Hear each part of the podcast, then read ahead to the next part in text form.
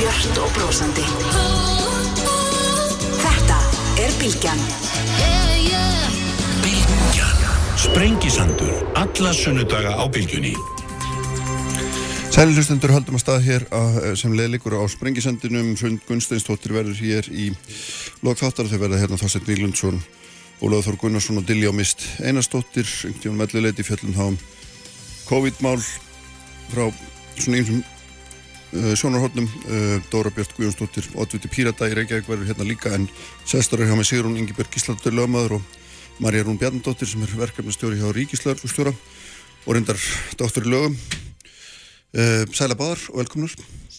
Þið voru báðar með erindi á Málþingi í Háskólands Reykjavík í síðustu viku mm -hmm. þar sem að hérna var verið að, að svona velta því upp hvort að það væri einhver staðar uh, gjá á milli, hvað maður segja, réttarfars og, og réttlætis kendar almennings í kynferðisbrótumálum og ég held að það sé nú alveg óumdelt að það er einhvers gjá hann á milli mm -hmm. og svona áhugavert að velta því kannski fyrir sinna aðeins hversu djúb er hún, hvort það er hægt að laga hann og af hverju hún af hverju hún sé fyrir hendi sko.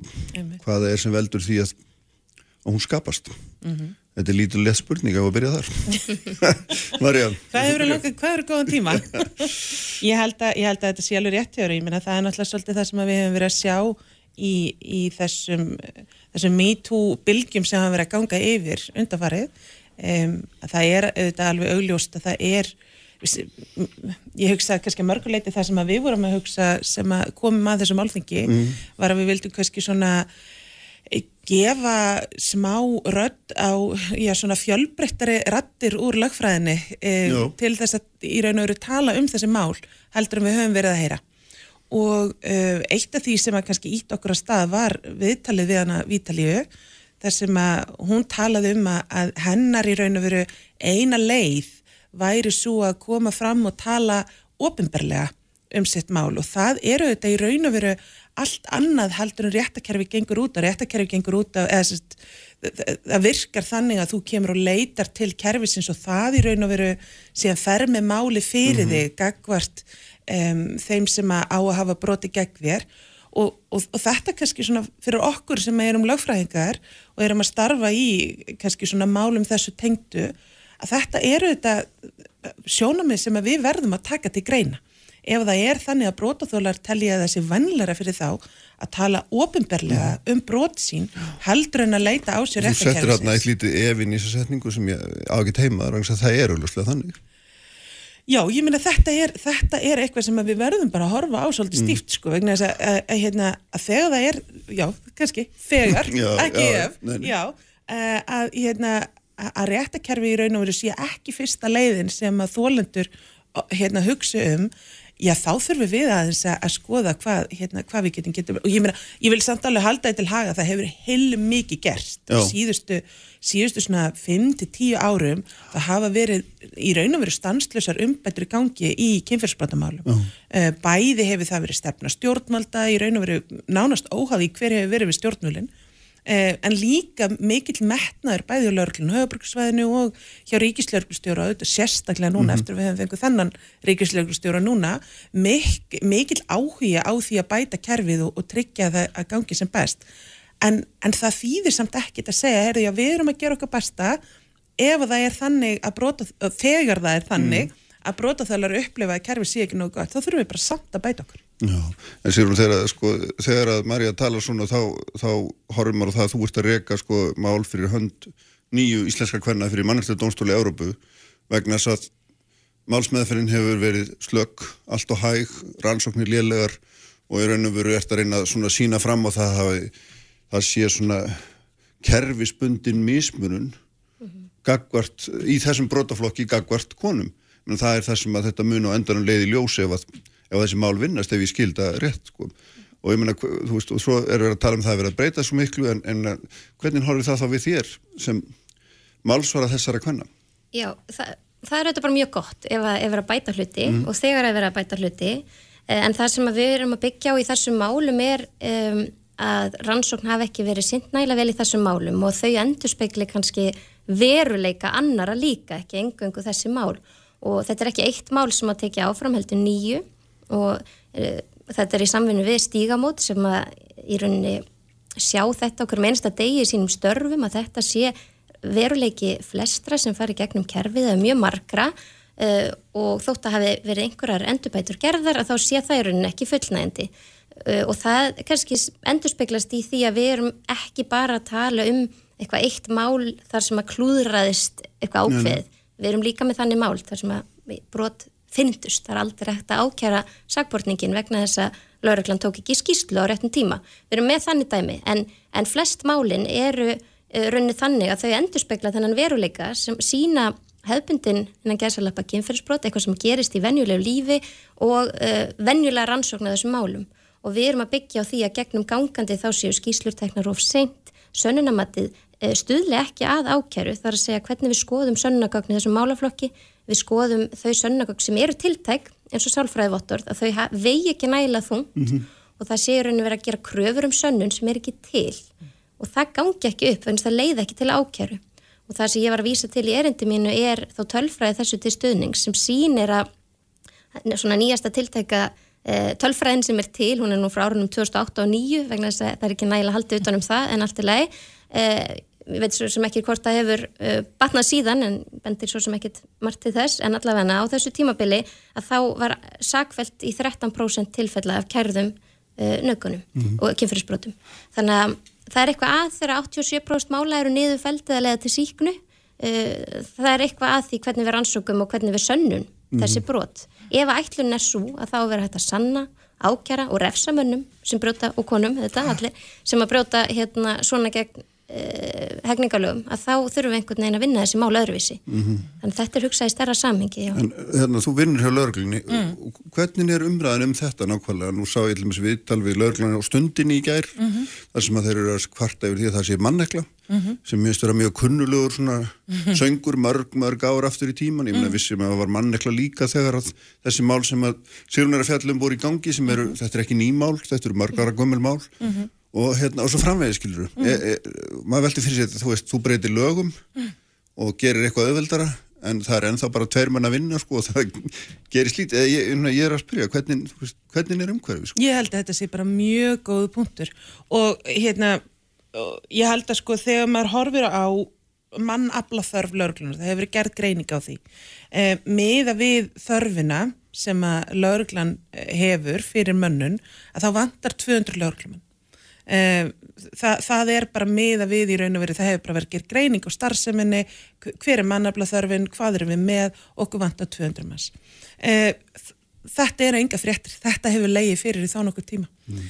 um, og því miður sko ég í raun og veru, kannski mitt starfsvið fjallar ekki endilega um, um, hérna, um nákvæmlega þetta þannig að ég kannski reyna að fara varlega þegar ég hérna, já, já. segi þetta en, en enga síður að það sjáu við það að, að, að, að það er það er viðvarandi að það er skortur e, þarna inn í kerfinu. Ég held að það verður líka að halda eitthvað laga í kifursprótadeildinni þá erum við þetta að eiga við ég kem ekki að þeim málum sjálf persónlega e, en, en, hérna, en, en þau sem að starfa þar að þar eru við þetta eiga við einn erfiðustu mál og flóknustu og þingstu mm. innan eh, kerfisins eh, og við erum að sjá það að það er ákveður svona börnátrætt reynilega bara hjá þeim starfsmönnum sem að sinna þessu vegna þess að þetta eru gríðilega þungmál og reynir auðvitað þau líka. Við sjáum þetta til dæmis í rannsóknum á badnaníðsefni eh, og það eru auðvitað ræðilagt þú veist að þurfa að sitja og horfa á það þannig að, að, að hérna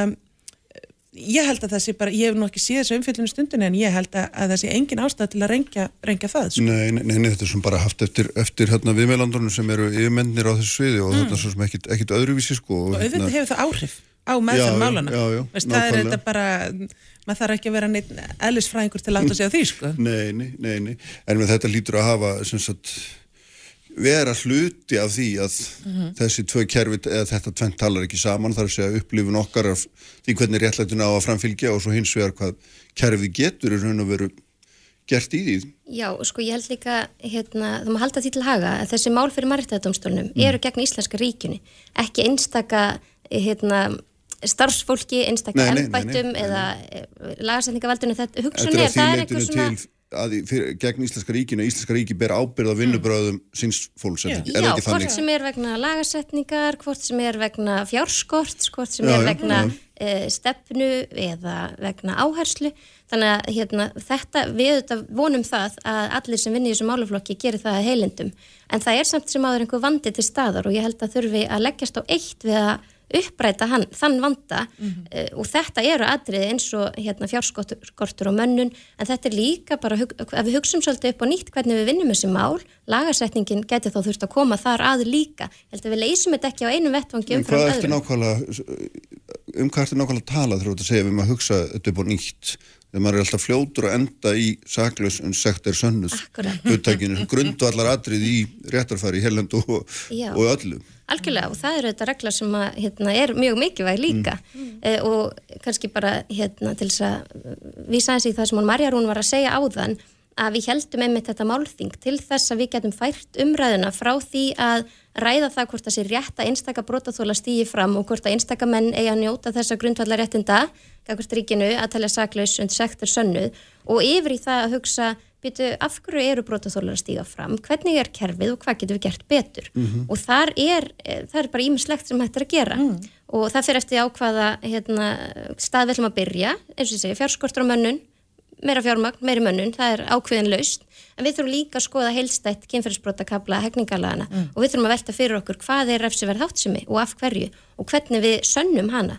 þannig að það eru þetta þannig að domstólar hafa um áratuga skeið dæmt á ákveðin veg á grundvellilagana beitt ákveðinu sönnunamatti ef við viljum að breyta því þá þurfum við nú kannski að senda skýr skilabóð frá lögjáðunum um það í mm. líðræðisríki mm. uh, allra vegna Ég held kannski, ef þú talar um þetta held, þetta, er þetta er stóra máli sko, mm -hmm. að við þurfum að hugsa um hverja einingu fyrir sig Og, og það hefur auðvitað, ég meina til dæmis þegar það tók gildi lögin um, um hérna, brottvísuna heimilum, uh, heimilisopildismálunum, að þá til dæmis tóku þau löggildi og, og, hérna, og svo bara ekkert, svo því bara ekkert fyllt eftir.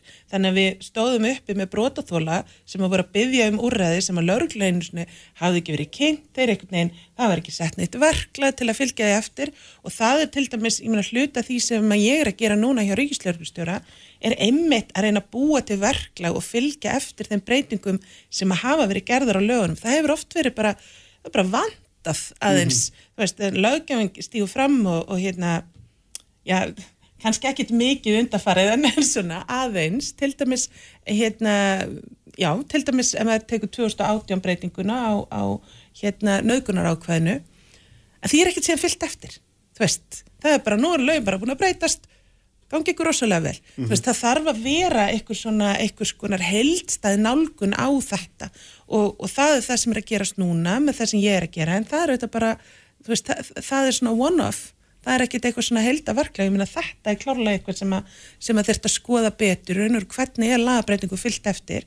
Og ef við má bara aðeins bæta við sko að það sem við vorum að tala um á málþinginu að, að, hérna, að það var líka um það í raun og veru hvernig lögin og samfélagin samfélagið hafa verið svona samverkandi þættir eh, þetta er ekki fyrsta skipti sem að við erum að sjá það að, að samfélagið er að kalla á lagabreytingar það er breytingar sem hafa verið gerðar á kynfyrirspóta kapla hegningalana þar hafa allavega stóru breytingarnar þar hafa allar orði vegna þess að almenningi er misbúið mm -hmm. og ef maður hugsa til dæmis um breytingarna 92 sem er svona fyrsta heldar endurskoðunin eh, að það er, ástæðan er að kvennarhefingin og almenningur þeir svona saminuðust í svona því að vera gjörsanlega misbúið meðferð nöðguramáls ára 1984 eh, sem að gerði það verkum að í raun og veru kerfi tók við sér. Og, og hérna og þar verða í raun og veru þessa fyrstu heildstæðu endurskoðunabreitingar á lögunum og og, og þar til dæmis er hugtæki kynferðslega áreitni í raun og veru fyrsta skipti kynntin í íslenska rétt, reyndar ekkar svo sem ekki alveg nóg vel en það þurfti aðeins að breyta ákvæðinu aftur.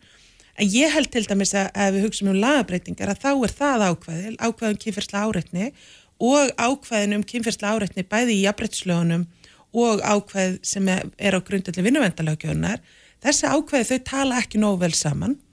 Eh, og, og ég held að það veri gott hjá lögjöfunum Já, ég minna hún er, ég held að sé kannski alveg sko, það er oft vandi við lagasetningu að það er kannski ofþröngt hort á það sem er verið að fást við. Þannig að þarna er til dæmis hugtak, kynferðslega áreitni, í þremur mismandi lagabalkum sem, hefur, sem er líst með mismandi hætti.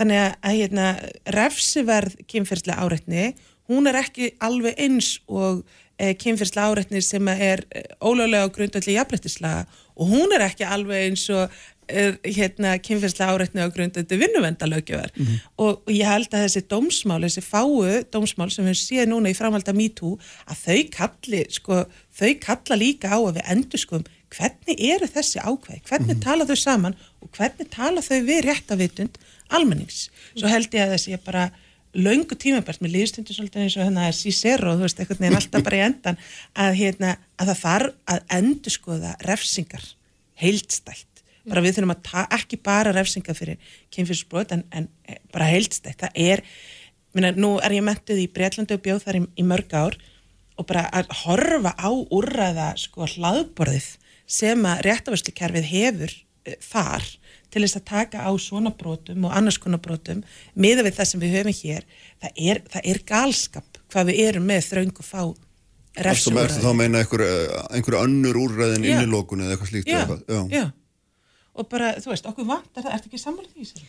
Jú, algjörlega og ég held að það sé líka liður í að hugsa þetta upp og nýtt, að við erum ekki alltaf að, að hérna, svona eh, laga einstaka ákvæði ja. eða gera einstaka breytingar innan á, ákvæðisins, af því að það gerir það verkum að, að þegar skortir algjör að heldar endur skoðan eða heldar yfirferð að þá fylgir því ekki þá er engin eftirfylgni mm. eða mhm. sjálfnast og það er vandamál að þegar við sjáum það eins og 2018 er nöðkunar ákvæðinu breytt þannig að það á að skilgræna nöðkun út frá því hvort að það sé fyrir hendi samþyggi.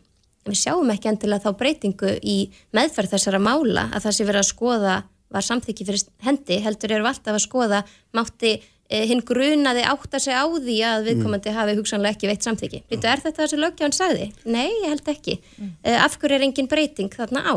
Það er vegna þess að þetta er einhver, er einhver, einhver bókstafar þarna á alþingi Já. sem að virðist ekki skila sér allavega niður og ég held að þessi bylgja og þessi bylting, við sjáum mikinn fjölda óanauja öldur, við búum í liðræði sko, mm. það, það er við sem setjum lögin. Kerfi stendur ekki sjálfstætt, við ákveðum hvernig lögin eru mm. og hvernig kerfi virkar. Og í þessari bylgju að þá ættu þetta verða viðbröð innan kerfisins, ef það getur ekki verið á undan sem var auðvitað best að þá þurfa, þarf kerfið í það minnsta að bregðast við þessu með því að fara hilstætti yfir málinn og tryggja þau séu í samræmi við réttar vitund almennings mm -hmm. og réttlætiskend að því það sem gerist þegar fólk upplifir ekki réttlæti og upplifir í raunir þetta mikið óréttlæti þá rýst það upp mm -hmm. og ef við ætlum að tala um það fjölmjölum og öðrum vettvangi að við séum, eh, við talum þetta ekki rétt að leið en svo við sjáum að fólk er að gera nú þá þurfum við að bjóða upp á einhvern annan valkost. Og ef að núverandi valkostir eins og Marja er að nefna varðandi refsingar stuðla ekki að þessu að kerfið virki til þess að ná fram réttleiti nú þá þurfum við bara til dæmis að skoða það hvort að aðri möguleikar séu fyrir hendi.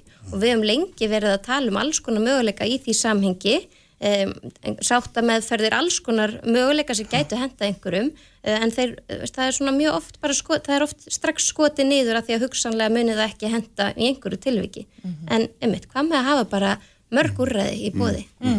Mm. En, sko fyrir leikmenn þá er þetta þannig að maður lærir einhver starf á leðinni sko uh,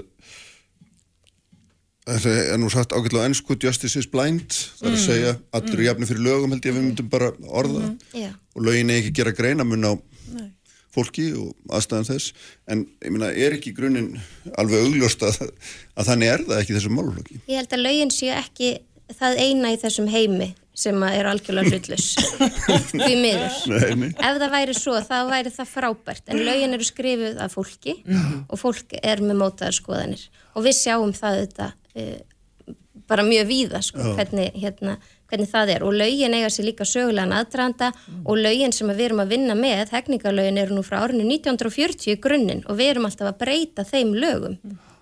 Það þýður auðvitað að inni í þessum lagabólki eru auðvitað viðhorfu og annað frá þeim tímar sem aldrei næst alveg að afmá. Þannig að þetta er eitthvað sem að hérna, hefur alveg klárlega þýðing að það er fólk sem setur lög og þau verða aldrei hlutlus og það er líka fólk sem dæmir samkvæmt lögum en það er kannski líka kostur að við erum líka fólk sko, við, hérna, sem búum í þessu samfélagi og við ákveðum hvernig við viljum hafa hlutina og við erum bara hlusta á það en auðvitað þarf að gæta einhverjum grundvallar réttindum út í gegn mm. eins og það að, að uh, málsmeðferðin, hún á fólk á rétt á réttláttur í málsmeðferð, en það eiga þetta allir eiga rétt á réttláttur í málsmeðferð, ekki bara annar aðli mm -hmm. máls. Ég held líka sko ef maður bæta viðvarðandi lögin og að þau séu hlutlaus að þá eru þetta þannig að, að hérna, sögulega séð ef við horfum bara á lögin og þróun lagakerfa að þá eru þau mjög kallæg. Ég meina framan af, ég meina það konur eru eiginlega sko ef maður horfum að stóra samhengi þá eru konur eiginlega bara nýbúin að fá kostingarétt það eru nýbúin að fá í raun og veru aðild að því að, að hérna, ég meina það er 1915 hérna á Íslandi eh, sem það fá bara aðild að þessu ferli yfir leitt sko eh, og, og við sjáum þetta, þú veist, ég meina stórar breytingar í átt að kynæjabrætti á Íslandi að þær hafa yfirleitt verið mjög tengdar því að eh, hvenna frambóð eh, hafa átt sterka innkomu eh, í kostningum þannig að þetta talar allt saman sko. mm -hmm. og, og alveg eins og Sigur Neyberg segir hérna að það eru þetta fólk sem setur lög og, og hérna kerfispundið veist, það, það þýðir ekkit einhvern veginn að við ætlum að tala hérna, þú veist, það er 2022 að tala eins og, og fæðraveldið hafi einhvern veginn, sé bara eitthvað svona hliðar afurð sem að, sem að einhverju feminista lifi bara í, sko, mm. það, það, það er bara einn af, af svona enginandi þáttum mannlags samfélags allavega hérna á Vesturlöndum. Og það þýðir ekkit að við séum alltaf einhvern veginn að skauta fram hjá því og, og reyna að vera rosalega hlutlaust því að þú veist, ef við setjum upp eitthvað sem er algjörlega hlutlaust mm. sem að virkar ekki, að þá verður það þetta hlutlægt og þá gengur það í raun og verið gegn tilgangi sínum sko. en við verðum að, að hérna, bara taka með það, ég meina þetta eru kynjuð brot eh, 94% af gerendum í þeim kynfyrsbrotum sem hafa verið tilkynntu lauruglunar eru kallar eða menn veist, mm -hmm. það, það, það, það verður bara ekkit hort fram hjá þessu og ef að við erum einhvern veginn alltaf í öllum okkar viðbröðum að nálgast þetta eins og sko, ó við erum svo ægilega hlutlaus sko, að þá, þá erum við heldur ekki að nálgast þetta í, í ljósi veruleikan sko. við þurfum kannski bara að vera svolítið hugra og, og tala um þetta þannig mm. Kannski til að hérna, tengja þetta í þessi málsígi með fyrir margtenda domstóli Evrópu að þar eru við akkurat að byggja á þessu að það sé einhvers konar kynbundin mismunum þarna í kerfinu og það er ekki þannig að laga ákvæðið mismuni beinlinis, það stendur ekki hérna, bókstafurinn, hann er hlutlu sannarlega, en það bæði hérna, hagsmunamatið sem á sér stað, mælikvarðin á hvernig þessi brot eiga sér stað og hvernig hvað stendur í lögunum, samanburður á þessum brotum við önnur brot, hvernig er tekið á þeim innan kervisins og Maritaldómsdólinn, hann lítur einmitt til þessa þegar hann er að meta hvort það sé kynjamismunum, að þá er hann ekki bara að skoða orðin, heldur líka framkvæmdina. Uh -huh, uh. Sko það er hérna fjall dómur núna fyrir jól og nýbyrtur fyrir norðan sem var allavega mjög hérna, áhugaverður þessu samhengi þar sem að þar sem að satt, uh, um kona var uh, fekk á sig meðir að kæri fyrir að segja að maður hefði nöðgað sér. Mm -hmm. og dómarinn sagði að það skiptir í raun og verið ekki máli hvort það gerðist, hún bara upplýði það og hún hefur rétt á að segja frá því. Mm. að því þetta hefur líka verið átakapunktur í þessu nútíma umræðu, við byttum á bara segja hvað sem er um hvað sem er Já. en það er náttúrulega aðeins verið að gefa því undir fótinn að maður hefur fulla heimil til að segja frá sínu upplifun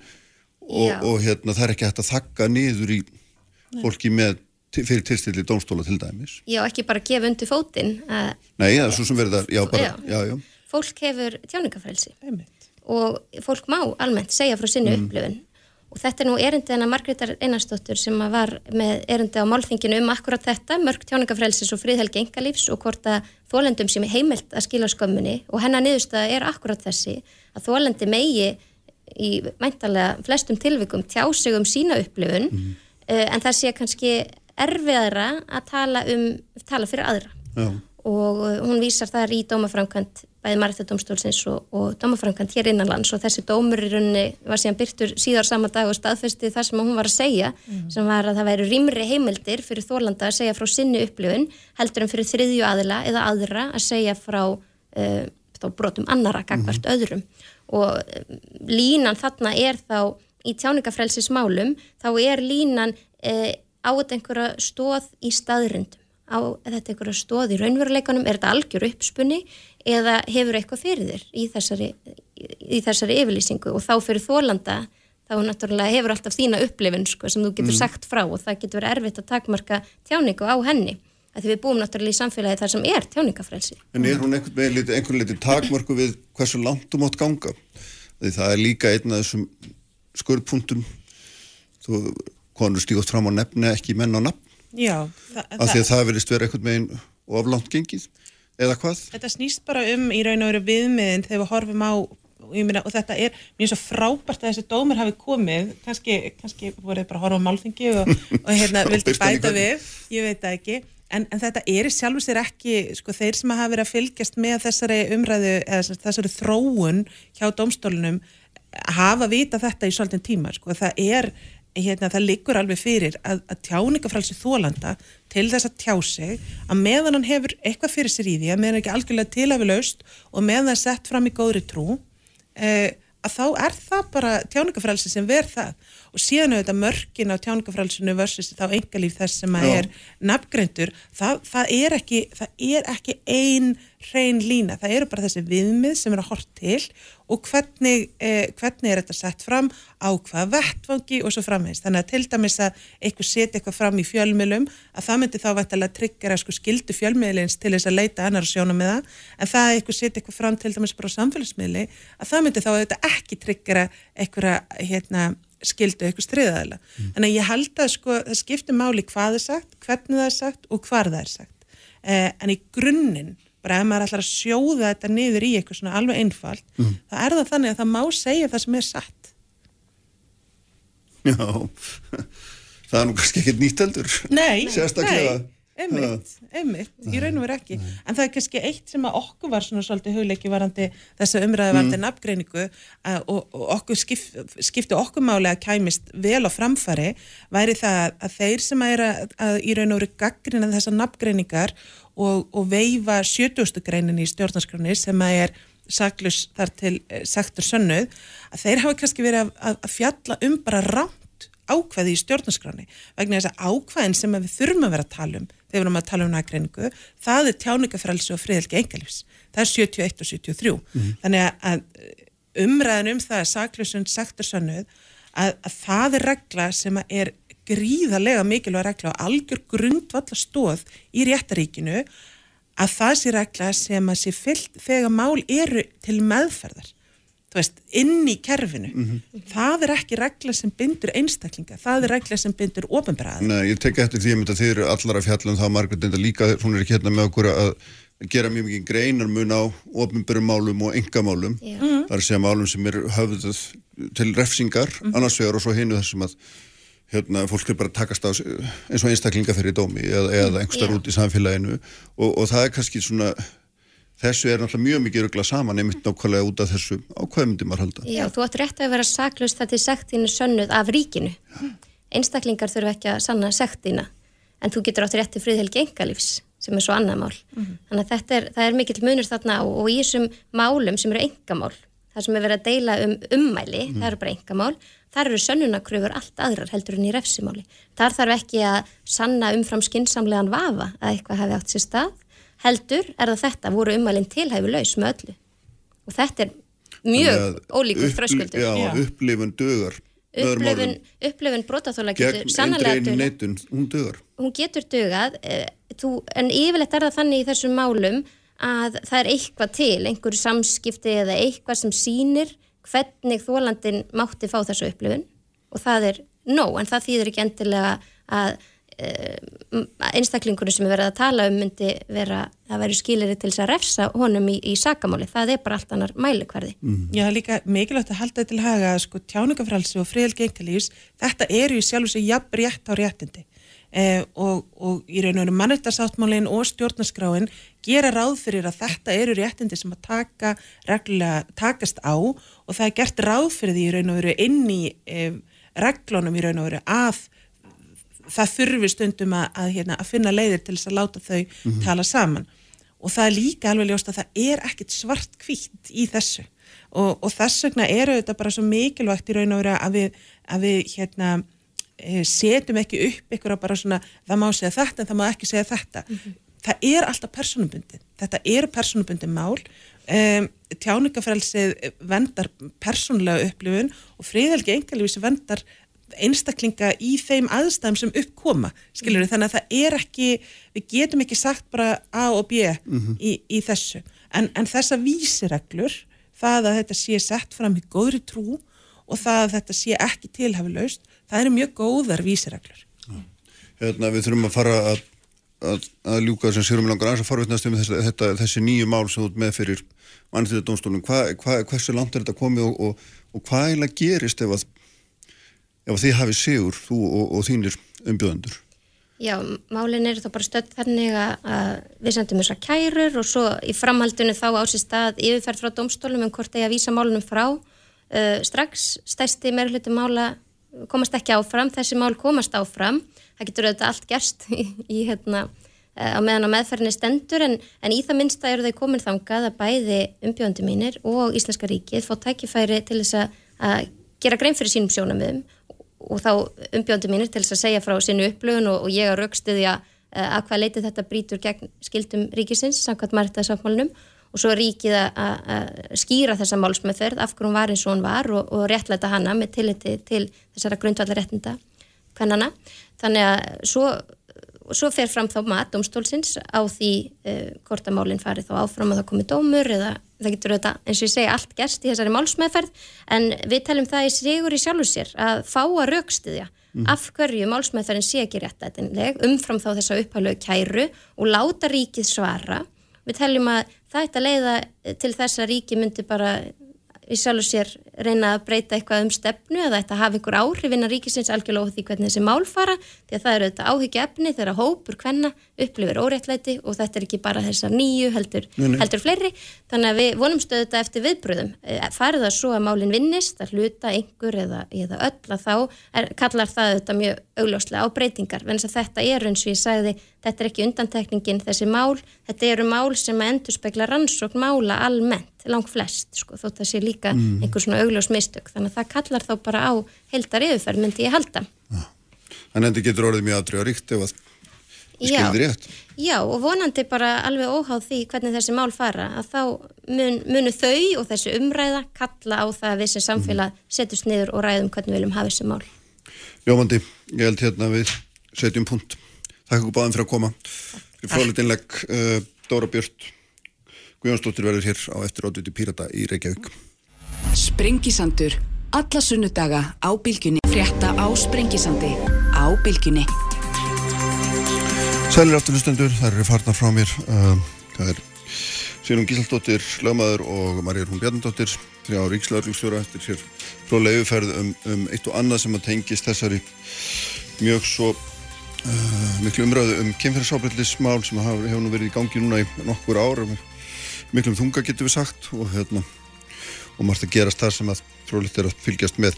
Nú já, e, í lokþáttar eru hund Gunnsteinsdóttir hjá mér og þau verða hér á eftir Þorstein Vílundsson, Óláður Þór Gunnarsson og Dilja Mist Einarsdóttir að fjalla um stöðun í COVID-inu. En sestir hjá mér e, Dóra Björn Guðjónsdóttir sem er oddviti Pírata í Reykjavík, sælu blessu. Velkomin. Takk, takk.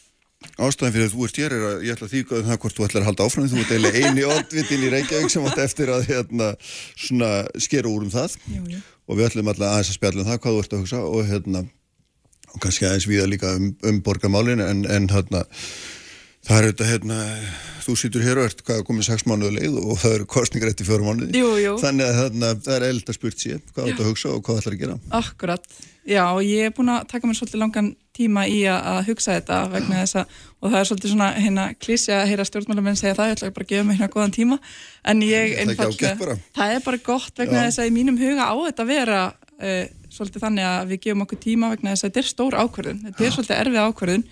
Uh, og, og ég hef ákveðið að gefa mér hennar tíma vegna þess að ég vildi þetta fyrsta legi hérna ræði þetta við fjölskyldunum mína mm. vegna þess að þetta er ekki enga, enga mál að, hérna, að taka svona ákvörðun, ræði þetta við flokkin og og kannski líka finna bara innra með mér uh, uh, hérna, hvernig mér líður með þetta allt saman vegna mm. þess að, að uh, núna er ég að klára mitt fyrsta kjörtumabil þannig að þetta er svolítið uh, stór ákverðun í því ljósi að uh, þegar ég byrjaði þetta fyrra kjörtumabil þá kannski, er maður kannski svolítið að dífa tánum í þetta í fjör ár og er einhvern veginn að skuldbinda sér til þess tíma. En þegar þetta farið að verða lengri tíma er þetta farið að verða veiga Steir, veiga meiri hluti af lífin í rauninni. Mm. þannig að þetta er einhver meginn búið að vera svolítið stór ákvörðin mínum ja. huga og, og svo vildi ég bara hugsa um svolítið kvatana þú veist hvaða drivkraftur þarf að vera þarna baki? Þá þarf auðvitað að vera eh, alls konar hluti til staðar til þess að, þú gerir vel sem stjórnmálamanniska eh, það þarf að, þurfa að vera þessi réttu kvatar og ég þurfti að spyrja mig bara brennið fyrir þessu? Mm. eru verkefni sem ég á eftir að vinna er eftir spurn eftir því að ég bjóði mig fram. Og hérna vegna þess að þetta er þannig starf og ég vil ekki vakna á einhverjum tímapunkti við það að hérna, hafa verið einhver stjórnmálamæður bara vana. Þannig að þetta er eitthvað sem að ég hef tekið mér þannan tíma í að hugsa, eh, hugsa um og er vissulega síðust allar til að ákveða minni, það er ákveða minni núna, nú eru, eru prófkjörn að byrja, það já, er að, að hérna, og ég hvet nú bara sem flestan núti til að taka þátt í þeim og, og, og bjóða sér fram og gefa kost á sér, það er mm. mikilvægt fyrir líðræði og hérna enn hægt að taka þátt hjá okkur pýrutum við sverum landið og hérna, en ég allavega hef hugsað sér svo að, að það er auðvitað, þetta er búið að vera erfið líka ákveðin til ljósi að ég, hérna, já eins og þú segir, sko, ég er ólétt og, og hef nú reyndar. Rennur akkurat saman við kostningabartum. Já, að gera það og auðvitað ef ég hef geta hérna, stjórnað þessu nákvæmlega þá hef ég kannski beðið aðeins lengur eða byrjað aðeins fyrr en það er ekki svo því miður og hérna en ég hef á þessu kjörtumbilið að margt sem hefur breyst. Ég mm. hef líka orðið hérna, stjúpforeldri og, og þannig að við hérna, við uh, uh, samfélagsfólki erum eignast núna okkar annað bann þannig að það er svo margt sem búið að gerast og margt sem ég hef þurft að taka inn í þetta. En ég er svona, en mín niðurstað er kannski svo eftir að hafa leiðið svona vel yfir þessu mm. og leita vel inn á við að ég hyggst gefa að kosta mér aftur. Já. og það er einfallega vegna þess að ég Í fyrsta sæti fyrir pírata í Já, að leiða listan eins og ég hef gert og, og það er bara eftir þessa miklu ígrundun og ég upplifa að ég hafi rétt að kvata mm. að ég brenn fyrir þessu, það eru verkefni þannig sem ég þarf að vinna og ég held að ég geti þetta, ég held að ég hafa alla burði til að gera þetta vel og af krafti.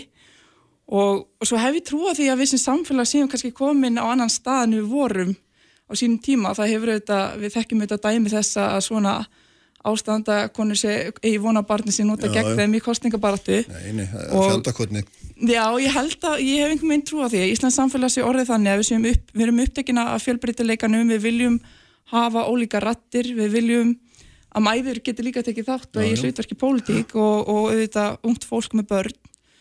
Og þannig að hérna, ég er svona, ég einhvern veginn held að það mun ekkit verða einhver eitthvað stórt vandamál? Nei, nei, en það er ofta þannig þegar maður hugsa mjög lengi um eitthvað svona ákvörðun þá, þá verður hún, þá fjallaðist hún. Ef maður hugsa þetta ofvel Já, já, jú, jú, þú veist ég veit ekki, ég, veist, ég verð svona ég veit of auðveld ákvörðun uh, er það búið að ígrundan næla vil, ég veit það ekki. Uh, mér finnst þetta eiga að vera erfi ákverðun vegna þess að þú ert að skuldmynda þig í mhm. ákveðin tíma til þess að vinna fyrir almenning. Mm -hmm.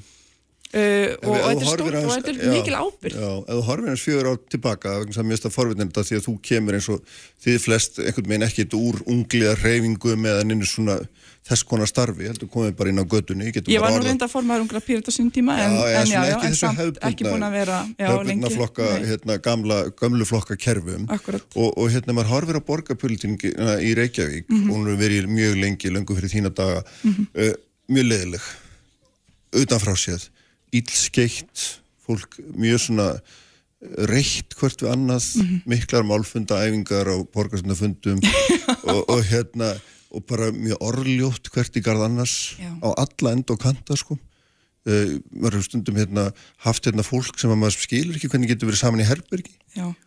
að því að hérna það er bara þól ekki hvert annað mm -hmm. mena, hvernig er þetta fyrir, hvernig hefur þið fundist þetta í alveg tala, þetta, þetta andrumsloft Já. sem að ég er eldið sér ekki að íkja sko. Já, það hefur það hefur auðvitað verið erfitt og krefjandi og, og auðvitað spilar það líka inni, mm. hvort þú hafir þann, þessa brennandi ástriðu þrátt fyrir þessa umgjörð starfsins og þetta hefur auðvitað breyst ég, mér var sagt hérna áðurinn ég bauði mig fram að það væri nú allt öðruvísi í borgarstjórninu og alþingi að það er kynni fólk að vinna vel saman. Að góðu mál. Og það væri ekki jafn, hérna, jafn mikið svona e, fjæðrafók eins og það er stundum inn á þingi. En, mm. en ég hef upplifað þetta þverst á móti þannig að það sé enn meira, hafi verið enn meira í borgarstjórn og einmitt mjög mikið verið að skapa alls konar fjæðrafók í kringum mál. Mér hefur fundist vera óbáslega mikið að hérna að svona misvísandi upplýsingum um það sem er í gangi. Við einhvern veginn tökum einhverja ákverðun það eru fórsendur á baki svo er því sleið upp í einhverju allt öðru samhengi og sagt þetta snúðist um eitthvað allt annað og þetta sé einhvern veginn allt öðruvísi. Mm. þannig að ég fekk svolítið bara ég fekk svolítið áfall þegar ég kom inn í þetta, satt best að segja. Og, og svona þurfti einhvern veginn að hérna, læra að sko bæði kannski að, að sætta mig við þetta væri svolítið svona en auðvitað vonast til þess að geta beitt mér í þá þá að þetta skáni og mér finnst þetta þó hafa eitthvað skána á kjörtumbilinu sem betur fer. Mm -hmm. þannig að við eigum auðvitað geta unnið saman í sátt að góðu málum þvert að flokka og, og það er það sem ég hef allavega beitt mér fyrir að, að fólk hefur alls konar góðar hugmyndir og, og við reynum nú að leifa þeim að, að blómstra sama hvað það er koma. Já, já, þetta er oft svona hérna sko málefnulega rögnaður er eitt en svona bara svona svartagalsraus frá fólki hvort úr sinni fylkingunni Já. er eitthvað annað sko. Já. Ég er alveg samanlega og það er óþálandi að verða uppl upplýsa því að, að upplifa það að, að hérna, sumir stjórnmálamenn séu meira að vinna í, í þá þess að skapa sundrung og reyði um mál, ala á einhvern veginn óta og óryggi og, og hérna í stað þess einhvern veginn að, að sko vinna góða málum í hag borgarbúa. Mm. Mér finnst þessir tveir hlutir bara ekki fara saman vegna þess að stundum er eins og að markmiði sé ekki að ná einhver ákveðinu fram heldur aðalega það að skapa þessa fylkingar, þessa polariseringu mm. svo að e, til þess að ná einhvern veginn einhverju markmiðum politískum tilgangi sem að geta þá ekki verið málinn sem að þú segist brenna fyrir að vilja. Vilja koma í verk sko. En tölum að það sem um polariseringa því það er svona eld að spyrja því beinu framaldi því að þú, þú ætlar að halda áfram og þú er náttúrulega verið uh, einn af vinstu koppum í búri núverandi meirluta þið, þið eru bara áfram sem held er það ekki? Ég meina, er, getur maður ekki bara gengið út frá því? Er, erum við ekki bara að fara að kjósa á milli tveggja fylkinga? Sko ég getur auðvitað ekki svara fyrir aðra flokka en það er álið ljóst en, en, en ég meina það er engin ástæða fyrir ykkur til þess að afneita þessu meirlutasamstarf ekki hvorki píratinni nokkuð aðra Við hefum verið sátt við þetta meirlutasamstarf einfallega vegna þess að það eru uh, mörg mál sem að samin okkur og þó þetta séu ólíkir flokkar um margt að þá höfum við náða okkur um krafti í því að við erum sammála um að kunna framtíðar sín fyrir Reykjavík. Við viljum uppluga nútímalega alþjóðlega og græna borg mm -hmm. velferðar, þannig að við leggjum mikið upp úr þessum lofslagsmálum Þetta er sömu orðin og Hildur Björns notaði hérna fyrir viku. Já, nei, einmitt En, en, tala, sko. en þarna segja sko að þá, þá vil ég líka benda á eitt sko að við erum allavega mjög skýr með okkar stefnu mm, mm. í meiri hlutanum, stundu hefur nú verið benda á það að Hildur Björn segi kannski ekki endilega mikla samlega með sín flokki en þannig er það og, hérna, og vonandi að það bara að sá flokkur sé einhverju þróun. En hérna, en það er nefnilega máli að ef þú horfir á minni hlutan, veist, við erum einhvern veginn saminuð, við erum skýr við stöndum saman um mikilvæg mál, við stöndum við orð okkar mm -hmm. og við látum verkinn tala í því En við sjáum að minnlutin er algjörlega, er sundurleitur hópur, eh, stærsti flokkurinn þar, sjálfstæðisflokkurinn, eða eh, eh, bara hefur enga skýra sín um eitt neð neitt. Þau segja eitt og svo gera þau annað, þau, þau eru með mismunandi stefnur já, í bæði... Já, nú er enginn frá þeim, þannig að við skulum aðeins fara... Já, já, í bæði skipulagsmálinn, þú veist, já, já, það, þú veist í raun ekkert hvað þú færð með þeim. Og þannig að hérna, ég get ekki sé að það sé einhver öflugur valkostur fyrir okkur að, En hvað er það að vera ekki valkostur fyrir ykkur til þess að vinna með þeim?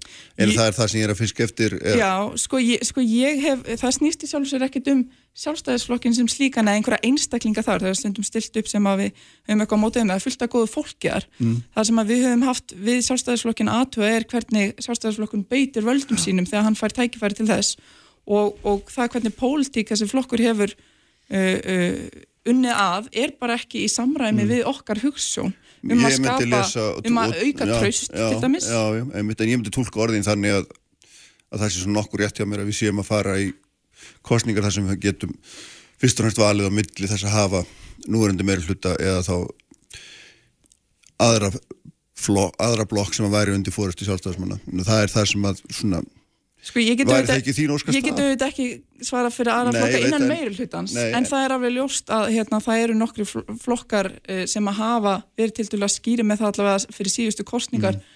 að það sé ekki áhugi fyrir því að fara með sjálfstæðisflokknum og ég, e, og það ég minna eins og samfélkingin Myndur þú vilja dagur til borgarstjóra áfram? Um, ég held að það þurfi bara, bara að skoða það. Og það eru auðvitað þannig ef að fólk er ánægt með okkur og okkar störf, það sem við hefum gert við erum umbóta sinnaðir flokkur mm -hmm. uh, við erum frjálslind og við viljum uh, laga kerfin við erum trú almenningi fyrst og fremst og við, og við göngum langt í þá almennings, við erum ekki meðvirk með kerfinu og það er mm -hmm. mikilvægt fyrir okkur.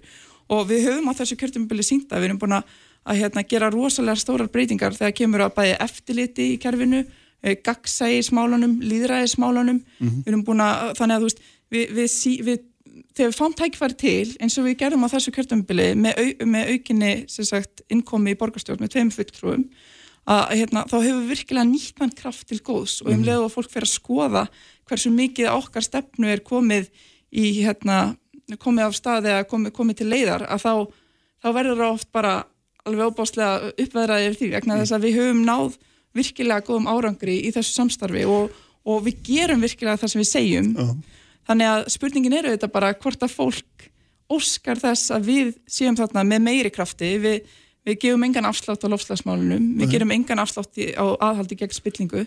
Eitt af því fyrsta sem að ég beitti mig fyrir því ég kom inn í borgarstjórn voru nýjar reglur um ráningu aðeistu ennbætsmanna vegna þess að voru einhverja spurningar upp um ákveðna ráningu sem var umdelt og var kærð og svo framvegs ég sagði bara þetta, þetta er óbúðlegt og beitti mér mikið fyrir því að kemur nýja reglur sem eru gagsæri og, og, og skýrar að ferli þannig að það sé bara algjörlega upp á borðum hvernig, hvernig að því er staðið að sé óháðir aðeinar og svo framvegs uh -huh. það er bara eitt dæmi, við erum búin að, umbyrsta stjórnkerfinu. En tölum að þessum líðræði þá í öðru samingi vegna það er nýbúin að fara fram hérna könnun meðal íbúa sem að hérna í, í fórsvóinum og það er það sem við út af þéttingu í bústaðveg og Reykjavík borg sá að hérna áfamræðanum um þá þétningu hérna greinlega voru íbúin og þert ekki og eftir því sem ég skilst þá er, er svona satt búið að þá hafa mér hægt við þetta. Já. eða borginu var hægt við það. Og svo er, held ég mér svip og kannun við, er ekki við háalitsbröð það sem er mjög svipul hlutu allaf íbúin sem er villitt ekki en þar kemur einhvern veginn ekki til greina.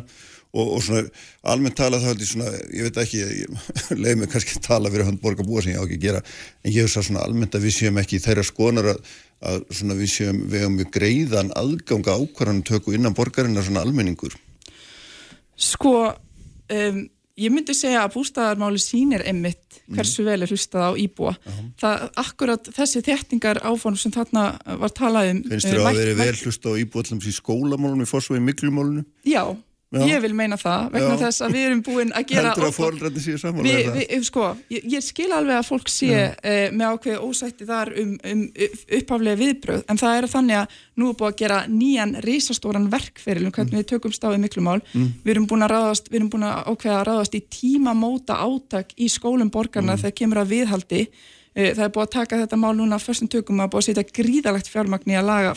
að og hérna, þannig að við, veist, ég hef persónulega beitt mig fyrir því að miklu mál verið mm. tekinn óbáslega fyrstum tökum -huh. að það, hérna, þessi nýji verkfærill sínir það, hann er unnin með helstu sérfræðingum landsins í miklu málum og, og, hérna, og, bre, og hann er að bregðast við öllu því sem að út af hefur hefur í rauninni verið í þessu máli mm. þannig að það er auðvitað þannig að Pírta kom í borgarstjórn og það er ekki þannig að öll hérna, máli eða verkefni að áskorunir hverfa þar með um leið þetta snýst alltaf um hvernig þú bregst við þegar áskorunir komu þegar mm -hmm. spillingamál komu upp þegar eitthvað gerist. -hmm. eins og ég vil nefna líka brakkamálið við umbyltum öllu stjórnkerfi borgarinnar. Mm -hmm. þetta er mhm. eitthvað mál sem ég fekk í hendurnar um leið og ég kom inn í borgarstjórn. Og hérna það voru mjög skýrt það var mjög erfitt að fá Reykjavík bort til að viðkenna að hún hefði gert nokkur á það er mjög skýrt viðbrað, ég mætti öll viðtöl og það er kannski annað sem ég er ekki að tala persónulega því, hún heldur bara alveg talað. Já, já, sko ég, ég reyndar ekki alveg sammála því vegna þess að, að þetta var til þess að meiri hlutin í borgarstjórn samþykti tillögu þess efnis að mhm. ráðast í rannsóknarvinnu þar sem öllum steinum er þið velt við. En það var samt ekki fyrir en það var búið að hjakka og hjakka og hjakka Nei, aftur var, og aftur. Þetta var reyndar gert á fyrstu stöðum máls og ég mhm. get upplýst um það að mm. það var bara Dagur B. Ekkertsson sem að fyrstu bendi á að hér væri eitthvað sem þurfti sérstaklega að skoða. Við kjölfarið bara örfam dögum eftir, þetta er ekki með nákvæmlega tímileg, samþyktum þessa tilugum að fjela innri endurskoðun mm -hmm. það verkefni að, hérna, að rannsæka þetta mál, koma stofin í kjölnaði finna og velta við öllum steinum bókstaflega sem mm -hmm. að mhm. skipti miklu máli að væri svo skýrt umbáð til þess að ráðast að miklum kraft í þetta verkefni og í kjölfarið var öllu stjórnkerri borgarinnar umbylt til að taka á gagsæðismálunum, til að taka á eftirlitsmálunum, styrkja það við erum komið fjármála á áhættu stýringar svið, sérstaklega svið sem að mhm. tekur á því að koma í veg fyrir alls konar áhættu eins og misferðlis áhættu mm. heil skrifstofa var lögðu niður vegna brakkamálsins það voru ótrúlega skýr og mikil viðbröð sem ég get farið yfir í mjög löngum máli já, já, og, og ég vil nefna það já. að það skipti máli mm. að píratar eru þarna þegar svona mál kemur upp vegna þess að við erum aldrei til í að sópa einunni neinu undir teppið. Við viljum alltaf leysa málinn við viljum fara út í kjölin undir, e, e, ofan í kjölin á verkefnum. Og alltaf þau fáum einhver verkefni í fangi einhver áskorni sem að munu koma upp í stóru kerfi, það er bara þannig. Horðu hérna til vinstri við, ja, Horðu hérna til vinstri, við erum með hérna lögatsvöld erum búin að ríðast um í tíu ár hvort að byggja efni, hvað finnst þér? Nú, Getur þú leist það mál?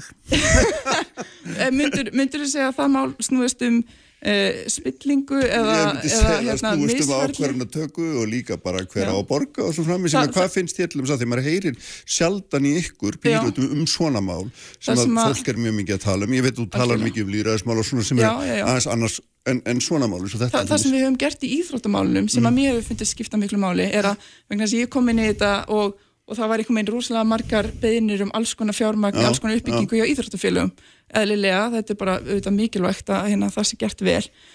Það sem ég spurði mig þá var af hverju er þetta svolítið svona hipsum haps, uh, það er einhvern veginn ekki neinn svona sameili sína eða heldar yfirliti yfir hvað skiptir mestu máli núna. Þá var það ákveðna mjög flotta vinnu, mm. var þetta þess að forgangsröðun íþróttamannvirkja út frá ákveðnum gagsægum, skýrum, uh, ramma, mm. ákveðnum ferlum ja. þar sem að til dæmis er teknirinn þættir eins og bara hafkamni, jafnbretti, sangirni eh, út frá hvað bara þarf raunverulega, raunverulega þarf, þarf alveg þarf að greiningu ofan í kjölinn þetta er svona, já, þú veist þannig að, að því, því letin til er búið að taka á því að allavega að forgangsraða og setja í skýra forgangsröðun hvað gangi fyrir og þetta er verið að vinna mikið í lögadalsmálunum og aðstæðum mm Uh, ungmenn og barna í íþróttum í laugardal og það er algjörlega ljóst að það er mikil viljið til að leysa það og það er komið ákveðin farveg. Mm. og, og hérna í kjölfar, kjölfar þess til dæmis að þessi gagsægi skýri rammi var útbúin um þetta. Þannig ég myndi segja já. En eftir þá að lýsa borgarkerfi núna þú er búin að tala mikið um það að Pirata hafa gert þetta og hitt í þessum og þessum Ég veit að samstarfi við meira Já ég er ekki að segja að það hafa gerið þannig en þú ert að lýsa þá borgarkerfi sem var lokað erfitt að breyta ógagsætt ekki satt? Það voru þetta alls konar áskorunir, það eru áskorunir í stóru kerfi og mér fannst jú vera ómikið ógagsæg. En miklu leiti að þessum sömu flokkum þú ert að vinna með. Allavega undanfarið eru einhverju flokkar, það eru, það voru komin tveir nýjir flokkar þessu kjörtumubili, þannig að hérna, en það eru þetta þannig að þetta er, stórt kerfi. Er listamótili búið að vera líka 20 ár eða meirinn það, 30? Er listin, já, já, en Svona... uh, hann hefur nú ekki verið við völd allan þann tíma reyndar og hérna en það er alveg ástæða fyrir verum hana vegna þess að það er þörfa okkur mm. og það skiptir máli að verum hana uh, það var ekkert eitthvað þannig að það var allt í volli og, hérna, og rjúkandi rústir en það eru þarna tækifar, það eru mm. áskorunir og við höfum ákveðna sín sem að snýst um þetta tröst almennings á stjórnkerfunu að loka að, hérna, að sagt, loka göttum að betur um bæta kerfin okkar og það er ótrúlega góð tilfinning að vera í pólitík með þessa hugssjón mm. að standa bara með almenning að því að gera þetta þannig að þú getur bara treyst því að hlutinni séu í lægi og þú þurfir ekki í rauninni að, hérna, að því við finnum það í samfélaginu sem ekki er vantrist og það er vandamál, það er lífskeiða vandamál, fólki líður ekki vel. Það er þannig að þeir líður eins og að, hérna, þegar við að fara með þína skattpenninga það verður auðvitað að gera það vel. Mm -hmm. og við erum að passa að hérna, þetta sé allt faglegt og þetta sé gagsætt, þannig að þú getur þá líka aðtúað sem að byggja líka bákveð tröst Eh, eftirliti virki vel, aðhaldið, aðhald fjölumila, þetta eru allt mál sem skipta, þetta skiptir svo miklu máli mm. upp, á, upp á bara hvernig borgin er í heilt, en þetta eru hluti sem kemur, koma ofan á það að vera mjög skýra sín í lofslagsmálunum, við viljum ekki gefa neitt afslátt í grænumálunum, við píratar höfum þetta verið í þessu samstarfi og við erum eitthvað sammálum áttina, en ég vil meina að við þórum virkilega að standa með þessu þegar á reynir mm -hmm. eh, Ólíkt öðrum Nei, úrst, ég bara vil segja að við, ég vil meina að við séum mm.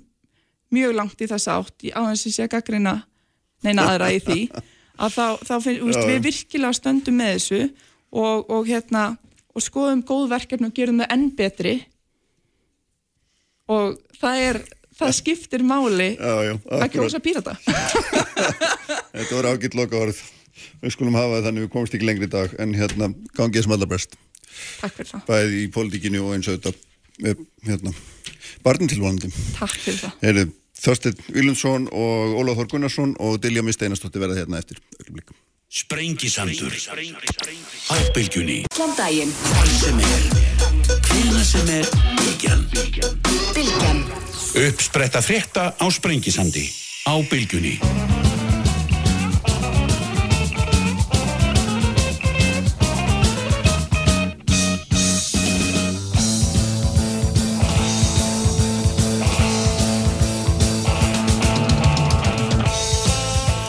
Sælir aftur hlustundur, haldum áhrifin hérna á Sprengisandinum Hrund Gunsteinsdóttir verður hér í, í lokþáttar, Dóra Björk Guðjónsdóttir var hér áðan. Er Pírata Reykjavík að tilkynna það að hún ætla að halda áhrifin í pólitíkinni, bjóða sér fram og leið, til að leiða Píratana í borgarstjórnarkostingunum í vor. En nú ætla ég að tala um COVID aldrei eins og vant. Dilján V. Steinarsdóttir, Hólaður Þór Gunnarsson og Þorstein Víglundsson eru mætt hérna. Sæla blessu öll og velkomin. Takk, takk, takk. Uh, hérna, Eftir Viljum og, og uh, fórstur á landsbítalans starfandi sem að Guð, Guðlugur Rakel Guðjónsdóttur og hérna þar sem að þau svona er að opna það að verði verði einhvern veginn svona létt á þessum hömlum öllum sem við búum í augnablikinu og hérna mér langar aðeins að beina þess að til þín Ólafur hérna, þú, þú ert náttúrulega öldrunanlæknir og ert að vinna með eldra fólk og þannig lang við komast á hópununa eiginlega getur við sagt mm -hmm. uh, hvað finnst þér? Hvað, hvað, hvað, hvernig er staðan að þínum hattum? Egu við að að hérna, fara bara alla leið og opna eins og Írar er að gera, Bretar er að gera, Danir er að gera, svo maður tækina einhver dæmi. Eða þurfum við að halda okkur svipum slóðum við erum núna. Sko mér, man, mér sýnist eins og vantala öllum hérna inni að það sé svona heldur að skána ástandið á landsbytalanum mm. um, ekkert rosalega mikið en samt aðeins að skána. Og það getur skipt miklu máli í því að geta tekið næstu skref. Við erum samt ennþá með uh, tvær heilar deildir á landsbytalanum sem eru algjörlega undirlaðar undir uh, fólk sem er með veikindu vegna COVID. Það er alveg ofbóðslega mikið álag fyrir spítalanum, mjög erfitt fyrir hann. Uh, og þar fyrir utan eru síðan hótandi ákveðin fjöldi sjúklinga sem er í eftirlita COVID-gungundildinni sem gæti þurftalegast inn. Um, það kann að vera það kunna að vera færi og er alveg örgla færi til þess að annarkvort að bæði að kannski slaka eitthvað aðeins og sótkví, stýtta aðeins einangrun og ég vil fara að flokka niður uh, hvaða afbríðumenn eru með með tilliti til einangrunar og sótkvíjar mm. en ég heldur sem ekki komið þangað því miður að geta bara sleppt þetta lausu og, og, og látið, látið hérna, þetta hafa sinn gang. Og það er rétt kannski að minna á í því sambandi að við erum uh, í þeirri sérstöku stöðu sem samfélag, við erum í rauninni bara með eitt stóran spítala sem getur tekið við þingst og erfiðustu sjúklingunum. Og því leiti til allt öðru vísi heldur en samfélag uh, sem að uh, það sem að er svona stærra. Og að því leiti til til þess eins og að því að nú kunni einhverju að spyrja býta en færi er alltaf að fara, fara að leta. Mm, mm. Uh, þeir eru ekki með tvær heila deildir inn á aðra sjúkrásunni sínu undirlegaðar undir COVID. Það, þar eru eiginlega ég veit ekki hvort það er engin en það eru mjög fáir innlegjandi þar. Og bara frábært fyrir þau. Mm en, en, en við, við erum ennþá í þessari stöðu og við erum ennþá með á stöðum í kringum Reykjavík og út um landið erum við með einstaklingar sem eru að jafna sig eftir COVID. Og eru þá í rauninni kannski ekki lengur COVID sjúklingar svona en að gæslappa en eru einhvað síður uh, að uh, hérna uh, fá þjónustu úr helbiðskerfunu, það mun verða þannig áfram í einhverjar, einhverjar vikur að minnstakosti Þannig að ég held að varfærin hæg skref séu mm -hmm. skinsanleg en uh, ég er allavega eins og staðin í dag held ég við getum ekki látið laust. Hvað segir þið Þorstein? Já, sko ég meina það er alveg auglust að við stöndum á ykkurum vatnaskilum í þessari baróttu mm.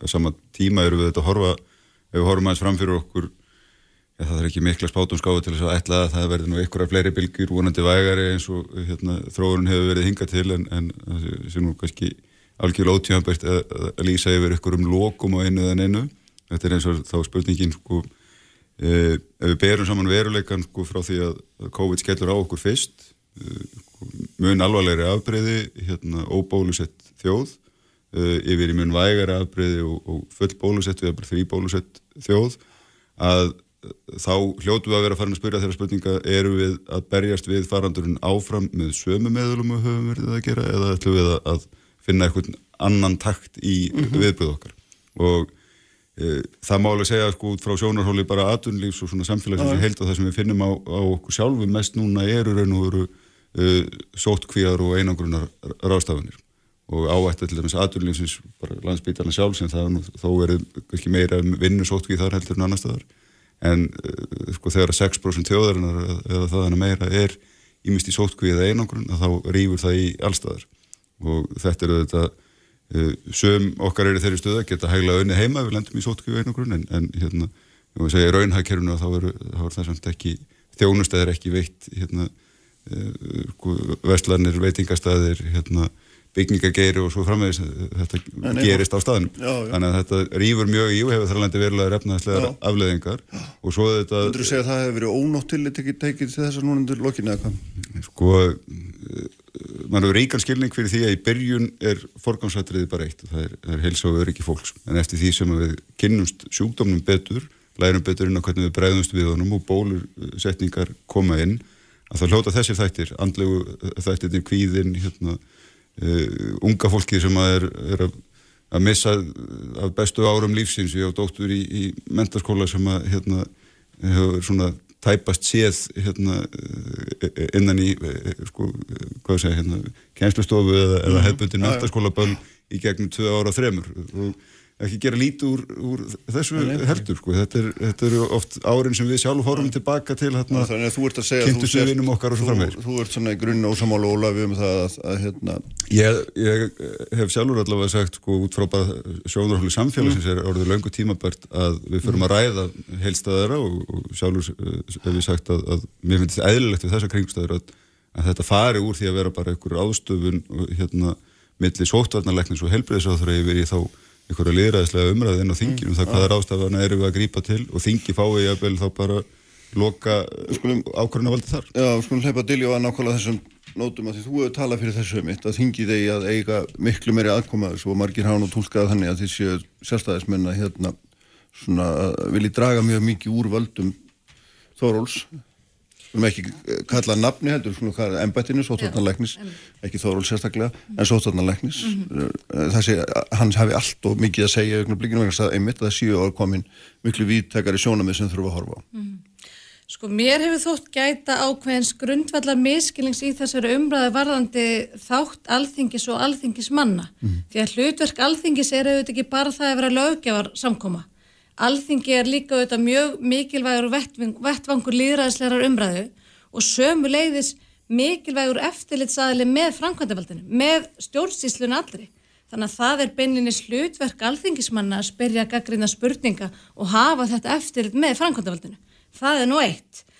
E, síðan er það auðvitað þannig að í upphafi þessa faraldus fyrir tveimur án síðan þá bar okkur gefið til þess að að e, við setjum þarna tröst okkar og, og framkvæmt og, og ákvarðantöku í hendurnar á, á einmitt sóttandarleikni og þrýeginu. Okkur bar mikil gæfa til þess og, og hérna hlutverk þeirra og fórista var ómetanleg í þessu neyðar ástandi sem skapaðist í mhm. upphafi. Mm -hmm. e, þá óraðu auðvitað engan fyrir því að, að geti mig til um að engan hafa órað fyrir því að hversu lengi þetta ástandbundi vara og síðan eru liðin tæp tvö ár þá hef ég bara verið að benda þá ég hópi fjölmargra þingmanna að það eru auðvitað löngorði tímabært að þingið og mhm. ríkistjórn taki að sér að vera í fórstum það að leiða Íslands samfélag út úr þessum ógöngum því að mhm. það eru auðvitað Eru komin í ógöngur? Við höfum auðvitað verið að glíma við alveg óbúslega erfitt verkefni núna í bráma að vera tvö ár. Já, en ég menna aðgerðina sjálfur gegn í þessu verkefni eru þær að leiða okkur í ókvöngur. Nei, ég myndi segja bara að þetta verkefni í það heila og þetta, þetta mm. þessar aðstæð sem við erum að glíma við, að nú þarf þingið og ríkistjórnin mm -hmm. að taka þessa fórustu að leiða okkur út úr þessum faraldri og auðvitað, já, og það já, þýðir ekki ne, bara ég bæti við, það þýðir ekki það að við séum ekki í náni samvinna áfram við okkar færustu sérfræðinga, mm. því að það eru auðvitað líka þeir, bæði heilbyrjastafsmenn og sérfræðinga sem hafa kallað eftir því og hafið þetta samtal um breyta nálgun uh -huh. Ólafur Já, það er núna hvað, tæft frekar en rúnda ár sem við gerðum síðast svona breytingar og sótnarlögum og það var gert í ljósi reynslunar af faraldrinu þá eh, það var láhinsvegar alltaf ljóst fyrir þá að uh, það þýrti að fara fram heldarendurskóðun á lögunum í kjölfarfaraldursins, það er sem að það var einslu sem að þá væri undir. Í þessum breytingum sem að notabene voru samt að samhljóða alþingi með engum mótatkvæðum og engum hjásitum, uh, þá er settin ákvæði um það að heilbyrjusáþra skuli, ekki bara megi, heldur skuli gefa alþingi skýslu með reglubundum hætti, sem þetta á mánaða fresta lámarki, uh, meðan á faraldur stendur. Og það svona var svo leið sem var farin þá en við rættum það svo sannlega hvort að það ætti að vera meiri og ítarleiri aðkoma uh, alþingis en þetta var lendingin þá. Mm. uh, það má alveg ræða það hvort að, hvort að það er að vera sagt, uh, hvað maður segja laga áskilnaður um, um aðkomu velferðarendar ég finnst að það er þá bara að koma inn í heildarendurskoðuna og ég held að það sé bara mjög skinsanleg nálgun að velta þeirri spurningu upp og allt í góðu með það. En niðurstaðan er hins vegar svo eins og, eins og við lemtum þessu í, þarna, í fyrra vor ef ég maður rétt að á því stíði málsins þá kannski væri ekki ástæði til að ganga skrifinu lengra þetta e, það eru í faraldri þá eru alltaf uppi, uppi þörfin fyrir það að geta tekið ákvarðanir til dæla hratt og, og þumlaust og þá þurfa yfirvöld, bæði sótandar yfirvöld og helbyrðis yfirvöld almennt að hafa þau tæki höndunum sem þarf til þess. Við létum þau fá þau tæki að við töldum í lögunum. Það var var tölvöld mikið rætt hvort að við ættum að hafa aðeins meiri gyrðingar heldur en, heldur við gerðum en niðurstaðið þingsins þá fyrir tæpa ári síðan var, uh, var þessi. Og ég meina það er full ástæða til þess að endur skoða lögin þegar að svona, svona mesti þungin að faraldrinum er hjá. Mm -hmm en ég minnst ekki að ég var að týna einhverja tiltegna móla út úr uh, út úr í því, held að ég frekar að þá halda sér bara við þessa heldur endur skoðun eins og kemur fram í greinagerð og raunar í sagt, uh, hérna, nefndaráliti með loka niðurstöðum frumansins mm. ég held að séum bara þar. Já. Hvað hérna sko þetta er einhvern veginn svona að við, við hafum kannski sko fyllt sótvarnar ráðum frá upphau, þau hafa verið okkar alfa og omega og þegar ég var að reyna að byrja að ræða þetta hérna fyrir svona 8 mánuðum eitthvað svolítið hvort að sótvarnarleiknir hefði nú ekki full mikið að segja að því að það var alltaf allt sem alltaf ekki smur sögðu var bara, já, þrý ekki segir þetta og þá gerum við það. Mm. Það var engi sem nefndur að þetta við með nema sótvarnarleikni sjálfur sem við kynnti fúslega hann hefði hérna, gæti náttúrulega skert það sem hann vildi og, og, hérna, og, og svona alþingi hefur náttúrulega einhvern veginn ekki haft mikið frumkvæði sjálft að koma að þessu fyrir kannski á allra. Það er náttúrulega margóft talað við, við þrýegið Já, gott og vel en ekki svona í ofinberi svona almenna umræðu. Mm. Já, ég held að samtali hafa alveg verið mjög virt og eins og Ólafur bendir á þá hefur auðvitað helbreyðsráð fyrir að gefi skí, e, e, þinginu mm. skýslu mjög regluna mm. nú síðast í liðinni viku. E, en hins vegar þá hafa... Hvers konar áhrif myndur vilja þingið hefði? Eða, eða... Já, sko nágrunlönd okkar eins og bara til að mynda Danmörk hafa lögfest bara aðkomi þingsins bara beinlínis að e, takmörkunum og ákvörnum um sóttvöldaraðgerir og ég hef vilja horfa til þess og nú er komið fram frumvar e, að undilagi Bryndisar Haraldsdóttur e, þingmanni sjálfstæðsflokksins og fleiri þingmanna sjálfstæðsflokksins, þar með talið mín um beina aðkomu velferðarnemdar að þessum ákvörnum og ég held að það sé orðið lungu tímabært. Mm. Ég held að, að, hérna, að þeim var nú hættur í þessu hérna, þá getur maður svo sem sætt bara hvað mannum finnst. En, hérna, en ég held að þess vegna þú varstu fengið Pólitíkina hafi nú kannski fundist eins og þú bendir á þessu umræði hefur verið bísna lengi í samfélaginu og ég horfið svolítið á þetta þannig sérstaklega þegar við, bara, við horfum núna fram á veginn. Mm. eh, við erum svolítið að tapa salnum eða mættu orðað þannig. Bara, almenningur er komið með óbúslega mikið óþól gagvart sóttöðnar ástöðunum almennt en er við erum öll að reyna samt að vera með eitthvað með í þessum slaga áfram. En við, menn vilja fara að sjá okkur sko, eitthvað leiðbyrningar lengar fram á veginn og hvernig ættum við út úr þessu. Uh, og þá held ég að það komið tíminn fyrir pólitíkina að hætta að skíla sér á bak við sótarnarleikni og segja, heyrðu, þetta eru tveggjara ástand, þetta er allt mjög staða heldur en var hér í upphafi, núna þurfum við að fara að tekna upp línuna fram á veginn. Hvernig snúum við þessu úr því að samfélaginu sé alltaf skellt í, í lás yfir því að styrkja þá það er stofnarnir sem við þurfum að styrkja til þess að takast á við faraldur hverju sinni. Og það er þá auðvitað hvernig styrkjum við landsbytala til þess að geta bröðist við, það hafa allir berðið verðingu fyrir því að það hefur verið gríðarlega mikið álag á landsbytalanum uh, gríðarlega sko, góð framvist að framlunni fólksins þar. En um leið getur við líka alveg talað um að það þarf að skeipuleika spítalan betur, það þarf að nýta fjármægt sem þangast reymir betur og það þarf þá að styrkja tímabundið ennfrekar að því að kostnæðanum við það loka samfélaginu er markvæmst meiri heldur en að ebla þá spítalinn til að takast á við afleðingar faraldur sem það koma til að þróast til næstu mánuð og misseri. Mm -hmm. En finnst, Þannig, finnst ykkur bara, sem maður spyrja byndum eins og Írar, þeir eru bara búin að setja hérna, held að bara verið að minna eftir nótt þá bara var, eða hvort það var mér sér í gær þarna, þá bara öll aflitt ja, allir pappar opnaðir, þarf enga fjallað, enga grímur ekkert mál. Já, Það er kannski það sem ég vildi meina líka með aðkomi pólitíkurunar Við erum að fara að ræða hér prinsipatri, ætlum við að beita bólusetningavotturum sem hefur verið kallað eftir. Ég óttast mjög slíka umræðu almennt en það er alveg klárt að pólitíkinu verður þá taka mjög vandaða grundiga umræðu um eh, réttlætingu slíkra þáttan. Gilar það virkilega ekkur um árangri, þetta er verulega og getur við sagt varanleg sko, skerðing á eitthvað skonar friðhelgi engalus, persónum, fólks og svo framvegs og þá eh, sko í almennum, almennum umræðu mannréttind okkar og gerum við þetta ríka kröfu til þess að það sé algjör nöðsin og þetta raukst í það þá af hverju það verði að beita slíkum ráðum mm. en ekki bara flega þeim fram sem einhverju svona bráðaberða rettingu næstu tvær vikurnar eða eitthvað þess áttar. Ef að ég má aðeins greipa boltan e, frá þórstinni þá hérna að því, og að þú minnist á þetta vaksandi óþól almennings mm. e, auðvitað er staðan svo núna að tveimur á liðnum að við erum einn best bólusetta þjóð, þjóð heims Eh, enga síður eru held ég í dag um 30.000 Íslendingar í einangrun sótkví.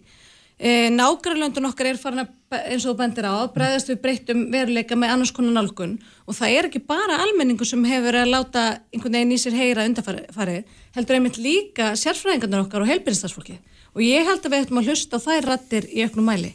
Eh, þeir, þau hafa þegar hafið þetta samtal um breytta nálgun. Mm, mm -hmm.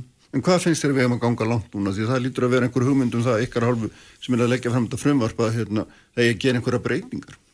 Já, frumvarpi gengur auðvitað bara út á auki samráð við. Já, ég áttu mig á því en, en, en samt sem aður er að baki ykkar, ykkar til og með einhver hugmynd um breytingar. Já, sko, að baki er í rauninni bara svo hugmynd að það er bara lögbóðið og líðræðslega hlutverk alþingis að hafa aðkomu mm. að, þessari, e, að þessum reglum.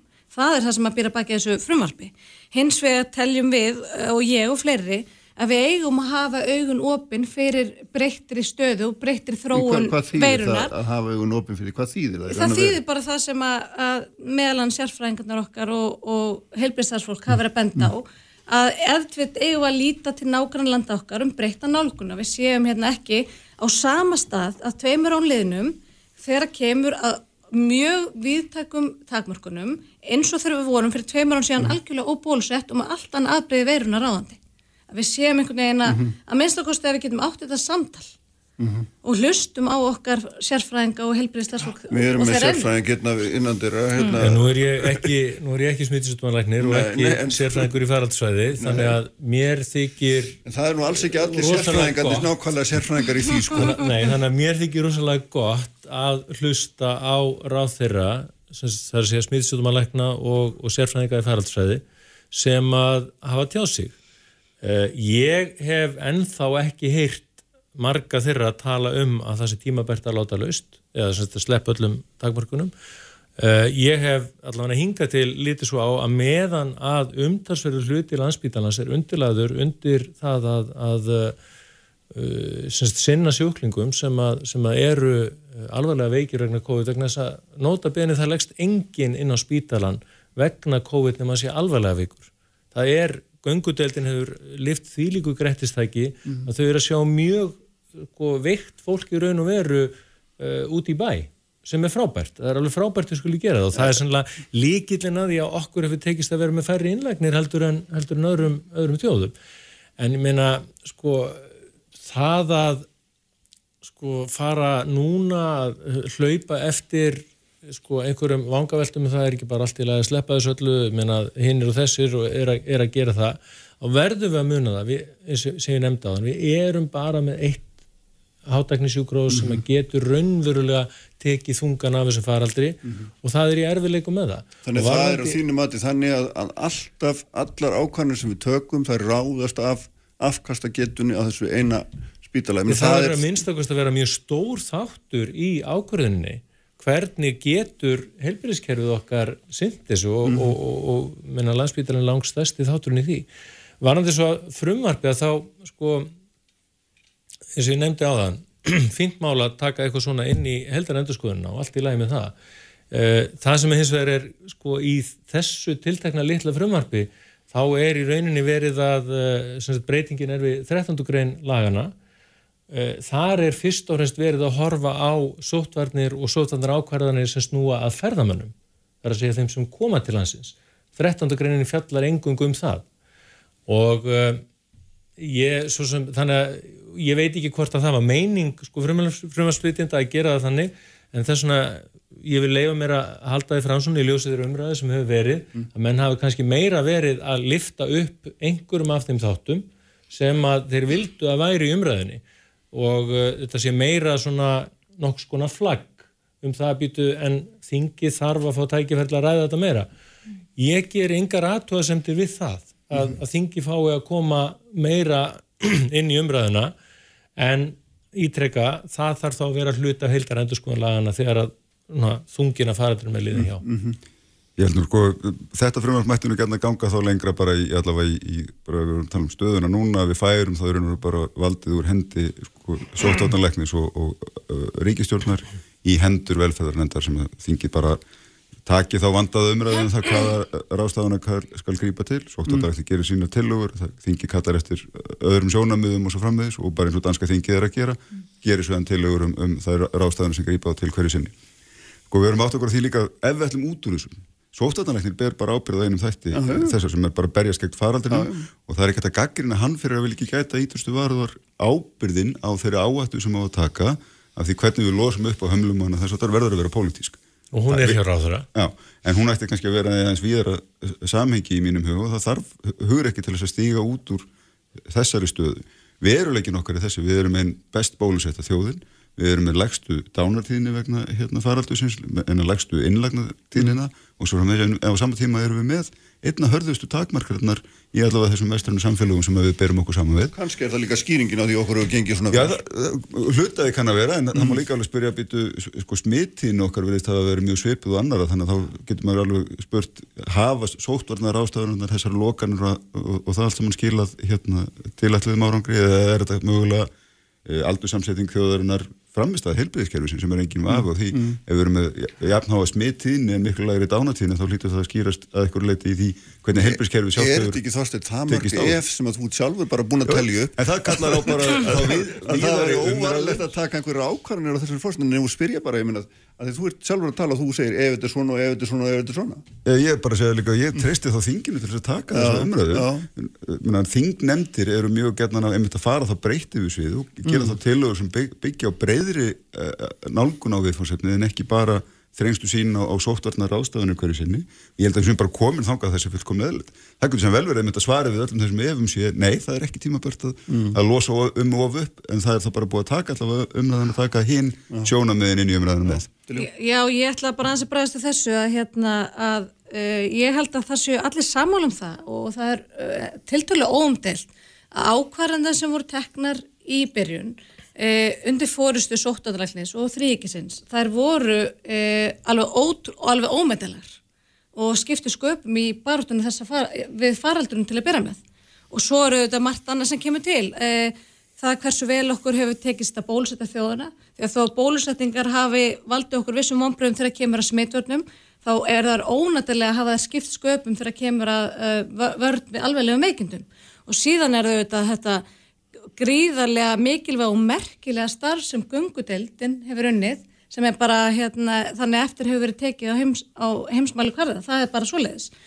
Eh, en hins vegar þá síndist mér bara síðast í morgun að, þessi grein hilbriðisráþara og starfandi fórstjóð landsbytalans, hún hefði ymmit verið á þessum nótum eins og margir af okkar sérfræðingum og helbriðstasmenn hafa verið að tala fyrir. Það er að að tveimur árun liðnum í breyttum veruleika þegar við höfum öðlast þessast þekkingu að meðhandlun veirunar þegar við erum orðin svona vel bólusett að við séum að horfa til breyttra nálgunar heldur um við hefum verið að notast við síðastleginn tvö ár.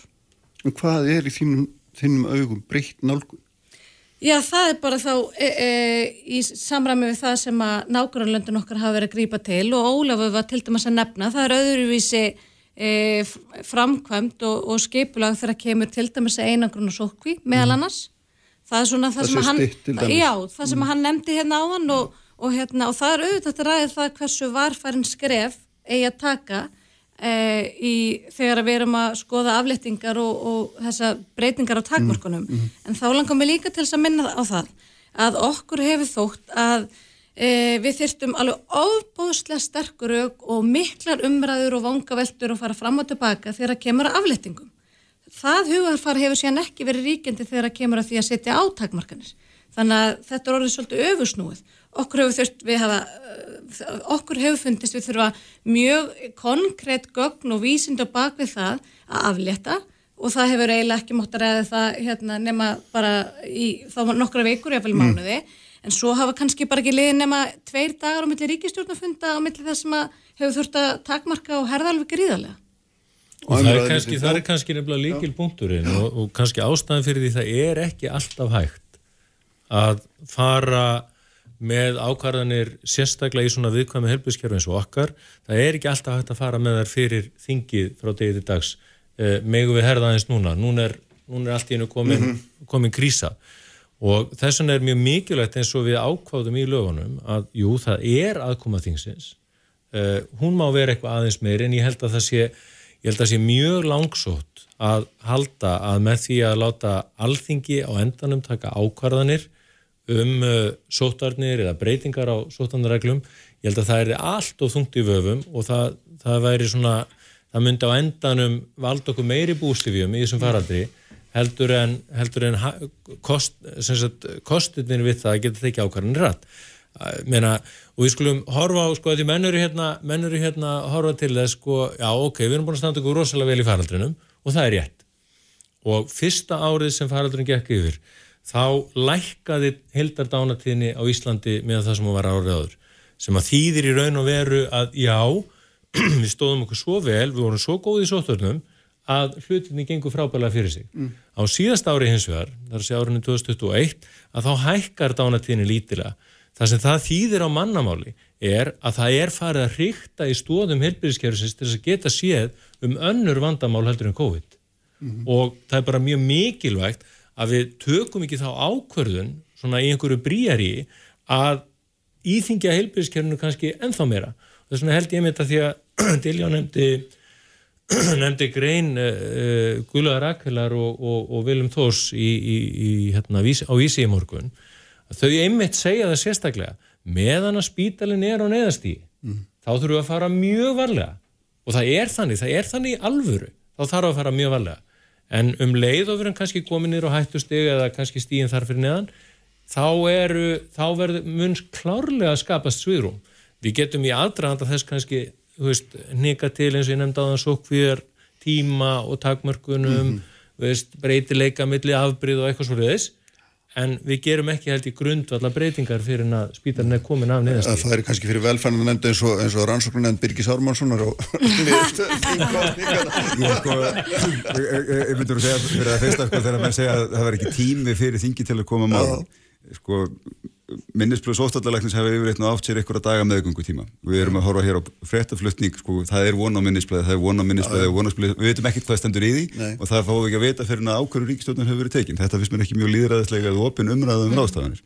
Ég treysti sko, velferðarnemnd til dæmis mjög vel til þess að vera þessi millilur fær þetta minnisblöð, ræðir það, það er ekki nema vantilega dag til þess að kalla fyrir sig hérna, e, þá gesti og, og taka ákvörðun það hvort það gerir til um sömu tilugur og sóttallarleikning leggur fram eða eitthvað, eitthvað frávik þar frá mm -hmm. sko, í frálsu opnu samfélagi þá á eitthvað tímanpunkti komið að, að þeim tímanpunkti baróttu við svona faraldur mm. þessum við treystum fólki til þess að gæta sér sjálft en ekki segja því stöðut fyrir verkum með það hvaða megi eða megi ekki að það sé hægt að beina almennum aðvörunarorðum til fólks og sé að nú erum við búin að gera það sem við gáttum gert þið eru allt bólusett, það hefur verið að styrka hér spítalinn til að taka stáið og svo frammeðs og svo frammeðs, en hér eftir bara við okkur um að fara valega, en við ætlum ekki alltaf að loka hérna, börum eða, eða skikka fólki í, í hérna, tíu manna samgómi takmarkanir hérna, í hvert einu skipti sem eitthvað bregður út af. Þannig að ég held að þetta er umverðan allavega sem klálega þarf að fara að taka mm -hmm. að því að eh, á einhverjum tímanpunkti ég myndi segja á þessum tímanpunkti þurfum við að fara að varða leiðin út hvernig ætlum við að takast á við þetta hort til næstu einstu tvekki ára mm. eða hvers þess tíma sem þetta kann að vera gangað endilega niður Örstuðt bara Já, örstuðt, já, ég, hérna, ég ætla bara að segja það að, að ég hefði viljað horfa til það sem að til dæmis stannir að gera, það sem að þeir láta ekki það vefjast fyrir sér að líðræði, líðræði sé að flækja hlutin eða líðræði sé að flækjast fyrir ákvörnum og í einmitt þessu frumvarfi Bryndísar og fleiri e, þingmanna sjálfstæðarflokksins þá er einmitt þessi varnagli á að ef að þurfi að grípa til skjótra aðgerða að, að ákvarðinu sér þá borðnar undir velferðnend eftir á. Þannig að það eru auðvitað tekið til þetta þess. En, en það, það má ekki vera viðvarandi hugsunráttur einhvern veginn að þingið eigi ekki vera flækjast fyrir einhverjum hérna, endalisum tilskipunum og reglegjörðum af því að þannig höfum við verið að stýra þessu í að vera tvö ár ekki með, með hérna, lagasetningu heldum tilskipunum og reglugjörnum. Mín skoðan á þessu er svo að aðkoma þingsins hafi rauninu verið mjög góð. Mm -hmm. uh, Velfæranemnd hefur reglulega fundað um þetta mál, fengið til sín allar þessu sérfræðinga til þess að ræða málinn og eins og Þorsti segir á kannski einum dagparti farið, farið yfir það. Það mun alveg örgulega að halda áfram, viljum en form gera það inn í lögunum með þessum hætti sem að þingmenn sjálfstæðarflósins er að leggja til núna, þá þarf að gera það inn í þessari heldar endurskoðan.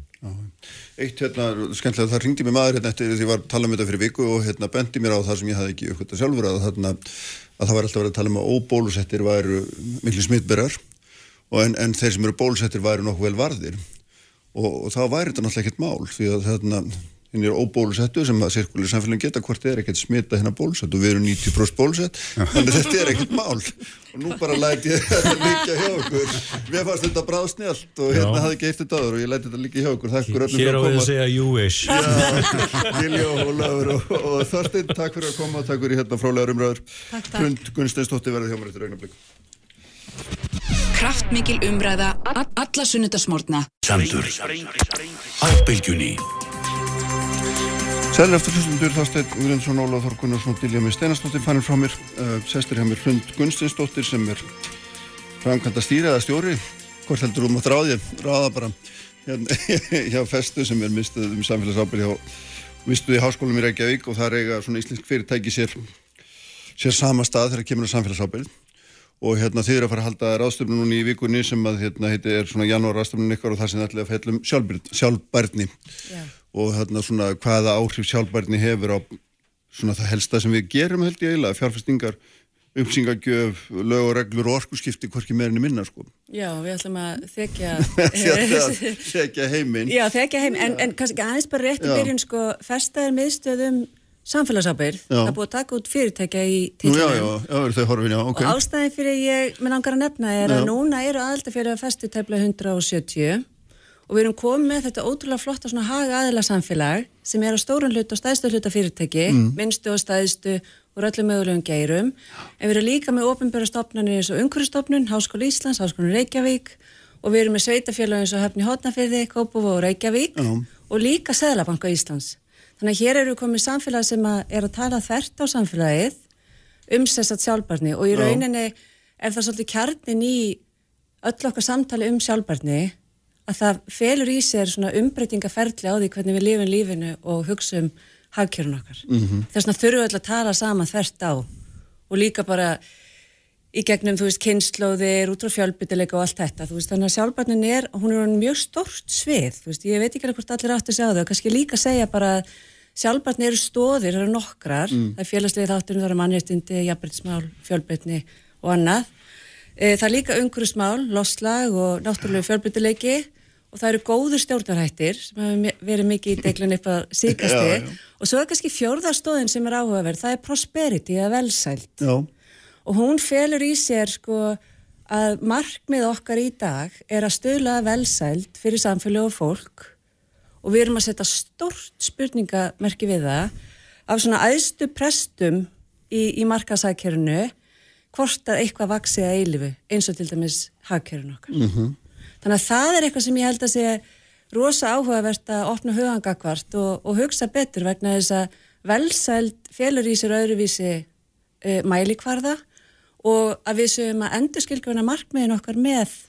Þannig að við hættum að líta á hagvöst sem endur marka allra hluta heldur um fyrir að, hérna, skilgjörna einhvern megin öðruvísi ef við skildar það ekki? Já og við erum með, þú veist eins og Alþjóðabankin, uh, að fyrir ekki Alþjóðagjaldur í sjöðurinn, mm. Sælabankin í Európu Uh, við erum með stæðsta eignastýringasjöðu heimi BlackRock, uh, við erum með World Economic Forum sem er svona vakka kapitalismans þar sem þetta er búið að vera keppikepli síðustu ár að fá okkur til að endurhugsa hagkerfi og kapitalisma þannig að til dæmis eins og allt því efnaðsvæði talar ekki um bara kapitalisma heldur uh, hag aðila kapitalismans mm -hmm.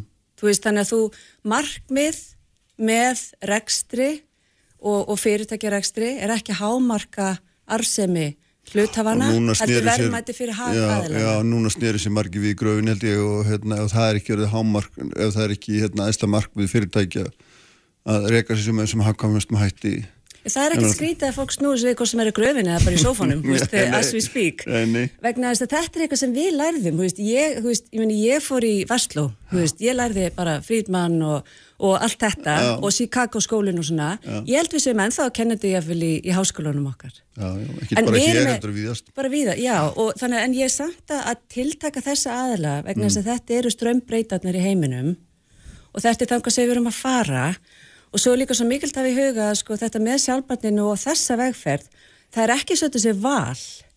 Þetta er ekki skoðun. Heldur verður við að fara þarna til þess að ná að, að viðhalda bara velsald í heiminum og tilvist okkar á jörðinni. Og í því má nefna líka bara þú veist lög og reglur og umgjörð utan með upplýsingagjöf fyrirtækja er að fara að gjör breytast á næsta ári, næstu þreymur árum. Alþjóða reikningsskilaráðið er að mm. gera öðruvísi kröfur um upplýsingagjöf. Við erum núna með til dæmis ófjárhastlegar upplýsingar í ásveikningarskrá en við erum að fara í sjálfbarnu upplýsingar ekki fyrir 11.000 fyrirtæki ári heldur 55.000. Þannig að mm. þetta er rosa stór breyting og þetta er eitthvað sem að við í íslensku atvinnlifi þurfum að, þurfum að vera svolítið á tánum gagvart og við erum til dæmis að vinna því að festu með okkar mörgu samstagsæðalum Uh, að því að einhvern veginn að vekja aðtikla á þessu útskýra hvað þetta er og líka bara einn að skilja sjálf hvað þetta er að þetta er svo risavaksna breytingar. Mm. En þannig er náttúrulega konvinn einhvers konar að þeirri fyrirtæki og þeirra samtök og einhverju leiti komin inn á svið sem við höfum hingað til skilgreint sem kannski svið stjórnmála fyrst og fremst. Að vera að taka ákvörðunum hvað kapitalismi á að vera og hvernig á hann að stýra og hver á að stjórna því hvernig verðmötum hans er dreift og svo fram Þannig erum við komin á sviða sem að sko, við getum alveg símynda okkur að mjög stór fyrirtæki sem enginn hefur kosið til neittna valdað áhrif á þannig sér nema með byttinu auðvitað. Hérna geti haft mjög mikil áhrif á samfélagsgerðina. Miklu meiri áhrif heldur en kannski svona einstinni viljum ekki satt? Sko, veistu, þetta er frábær punktur. Ég held að, ég ætla bara að vísa í Klaus Saab sem stopnaði allþjóða efnaðarsvæði fyrir mm. um það byrjum 50 árum held ég. Það sem að segir að þegar að Milton, Milton Friedman setti fram kenninga sínar þá eh, annarkvort, hvernig sagði hann aftur, þá hérna Þannig hvort gerði fyrirtæki sér ekki grein fyrir samfélagslegum áhrifin sínum mm. eða voru of lítil til að áhrif á félagslegt og efnaðslegt jafnvæg. Og þetta er rosa mikilvæg punktu vegna þess að þú nefnir stjórnmál. Við tölum stundum um pólitík og stjórnmál bara viksl mm. og það að vera pólitískur er ekki endla sama að vera flokkapólitík. Þannig það að vera pólitískur er að hafa áhrif á samfélagið sitt og hafa skoðun á því hvert við erum að fara. Mm. Fyrirtæki hafa alltaf haft áhrif á þetta. Þú veist, þegar stór fyrirtæki er að selja hérna mjölkurduft í þróunalöndum og hvetja konu til að gefa ekki bannum hérna á brjóst heldur að hefði gæst áhrif, pólitísk áhrif og bara svona rippuleffekti yfir allt samfélagi. Já, Fyrirtækja rekstur er svo stór, hann er svo stórum skal og ræður svo miklu og fjárhásleir hagsmunir á þessu miklu heiminum mm -hmm. hafa alltaf verið pólitísk áhrif, þá er ég ekki að tala um flokkapólitík, þannig að það er ekkit að breytast. Þetta er bara spurningu hvernig áherslutnar er að breytast og þá kollum við alls konar nöfnum. En við hjá festu mm. erum að fókusera á sjálfbænina og við erum rosalega meðutuð um það að ef við ætlum að ná þessari framþráun sem er brjálaðislega spennandi Kristján, ef maður skoður þetta bara þú veist hvað sem er að gerast í heiminum og ég menna vind og sólarorka er á nótrari en jarðarnel elsniti víða. Þú veist það er, er brjálaðislega spennandi þættir í gangi, veist, við horfum á hvernig sín höfu á framtíðinu og við fyrum sannlega mót okkur sín. Ég held að mm -hmm. við höfum ekkert einhver rosa langtíma sameilega sín á Íslandi mm -hmm.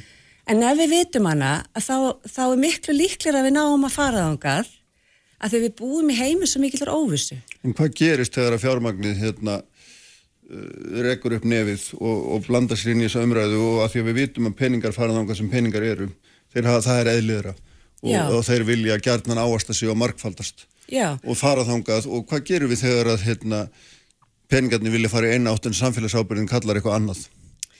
Eh, verður þá ekki ábyrðin alltaf ég held að það sé akkurat þetta er önnur frábær setning, ég held að það sé akkurat hann í núna. Við stöndum á tímótum þar sem að sjálfbarni áherslur og peningar er að fyrir söma áttina. Við erum með hérna, áramótabref eh, Larry Fink frá BlackRock sem er aftur staðst eignasteyningar sögur í heimi. Algjör vakka fjárfestinga í heiminum mm. og mikið leðaljós Þetta er held í fjórða ári sem að skrifa bref sem er sérstaklega um e, umhverfisáhrif, e, lotlasbreytingar og fleira. Uh -huh.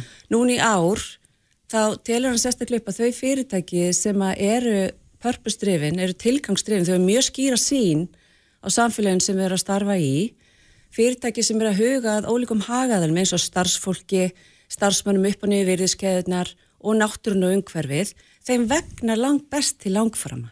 Í öðru lagi þá eru fjárfestingasjóðir eh, sem eru bara fjárfesta á velni markaði í fyrsta skipti í fyrra og hitti fyrra að vegna betur hvað var það arsemi heldur en hefðbyrnusjóðir mm -hmm. og í þriðja lagi þá er sjálfbarni áherslur í fjárfestingum það er fjallum áhættu útrútning á stjórnun mm -hmm. bara sem dæmi, konkrétt, Sviss og Breitland er að taka upp svo kallar TCFT það er mælikvarði sem eh, takaði upp í lög, það er mælikvarði sem mælir fær fyrirtæki til þess að gera grein fyrir hvaða áhrif þau hafa á lofslag og, og land og náttúruvískerfi en líka taka, taka tillit til hvaða áhrif loftlagsbreytingar og þessi turbulens og þessi óvisa sem er í þessi stað muni hafa þeirra rekstu til framtíðar að því ef þau gera það ekki mm -hmm. er þá skynstalesta fjárfyrst í þeim.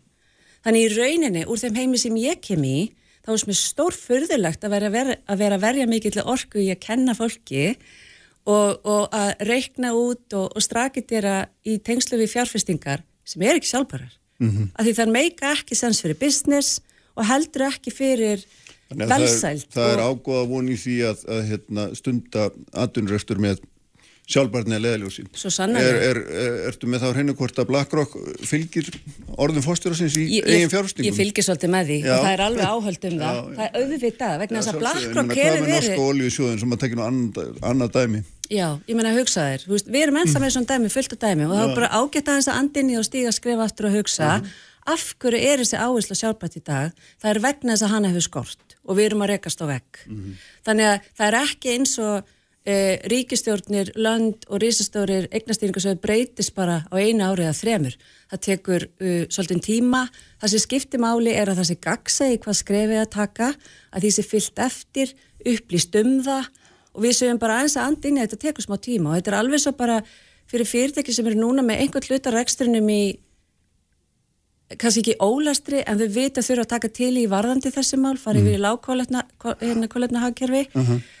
Eh, það er alveg sem þau, þau þurfa að fá stuðning og, og leiðsögn og þólimæði til þess að umbreytast í þá átt. En hvað með svona, hérna, því að sko, oft hefur manni fundist svona, það er eins og mikil ábyrð ofta neytendum í svona málum, það er að segja, hérna, ef einhver hafa sér ekki eins og hann á hafa sér þá getur bara hægt að skipta við hann. Já. En við beinum þessu mjög sjaldan til fyrirtækja. Veist, tökum sem dæmi þegar að hérna, menn rák upp ramakvein yfir því að Arjónbanki var í eigu hrækamarsjóðu mm -hmm. en það gerði ekkert fyrirtækin eitt í því, einhverjur einstaklingar löpuð út en Já. stóru fyrirtækin sögðu ekkert herði við ætlum bara ekki að skipta við ykkur ef þetta er málið. Og maður er veltið fyrir sér, menna, þarna líku líka mikil ábyrg Rosa, og rosalega mikil og mikil vald, ekki satt Ég er rosa sammálað þessu, ég held að við eigum svolítið inni þarna, mm -hmm. bara sem neytendur. Ég, þú veist, ég held að, þú veist, eins og ég, mér ég sundur svolítið löt, þú veist, ég bara, æð, þú veist, hvað, eitthvað, skilur þau, mm -hmm. en þetta er akkurat máli, en það sem er að gerast í þessu er að núna síðustu 15 ára... Ég er að, að tala um einhvern svona, þú veist, ef fyrirtækið segjast vera samfélagslega ábyrð Já. og vilja sjálfbærni, þá hljóta þau að reka hotnin í fyrirtæki önnur sem þau eru að skipta við, sem ekki eru það, eða sem, hvað? Við skulum taka sem dæmi bara eins og Maersk sem mm. er eitt af stæðstu skipa fyrirtæki með heimi. Mm. Þau eru að færa sig yfir í umhverjusvætni skipaflóta, sérst orkuna og bara, þú veist, fyrir ekki lengur síðan að vera 6-8 skip og svo nú, núna aftur starra skref sem er alveg magnað sko, ástæðan fyrir því er meðal annars að, veist, Amazon og ICA hafa gert kröfur á því, við ætlum að vesla við gráðum, þá viljum við fara í endur nýjulega orku og svo verður til svona dominoeffekt, þannig að mm. Maersk er að gera kröfur um að séu settur hærri skatta á það sem eru ekki fyrir endur nýjulega orku í skipaðina mm -hmm. þetta gerist líka svona í gegnum pressu frá fyrirtæki til fyrirtækis. En það sem vantar fyrir okkur neytendur er skýrar upplýsingagjöf um, þú veist, ef ég fer að í hérna að þá langar mig að sjá bara upplýsingar um kólöfnspor, mm. þú veist, hvað var gert til að koma veg fyrir mengun, eh, eru mannistindabót á baku vöruna sem ég kæfti, ég hef engin áhuga að kaupa en veist eins og H&M stundu tekið sinn dæmi ja. og svo geggjur greining gert, gert á þessu fyrir einu að tveimur ára mm. síðan mm -hmm.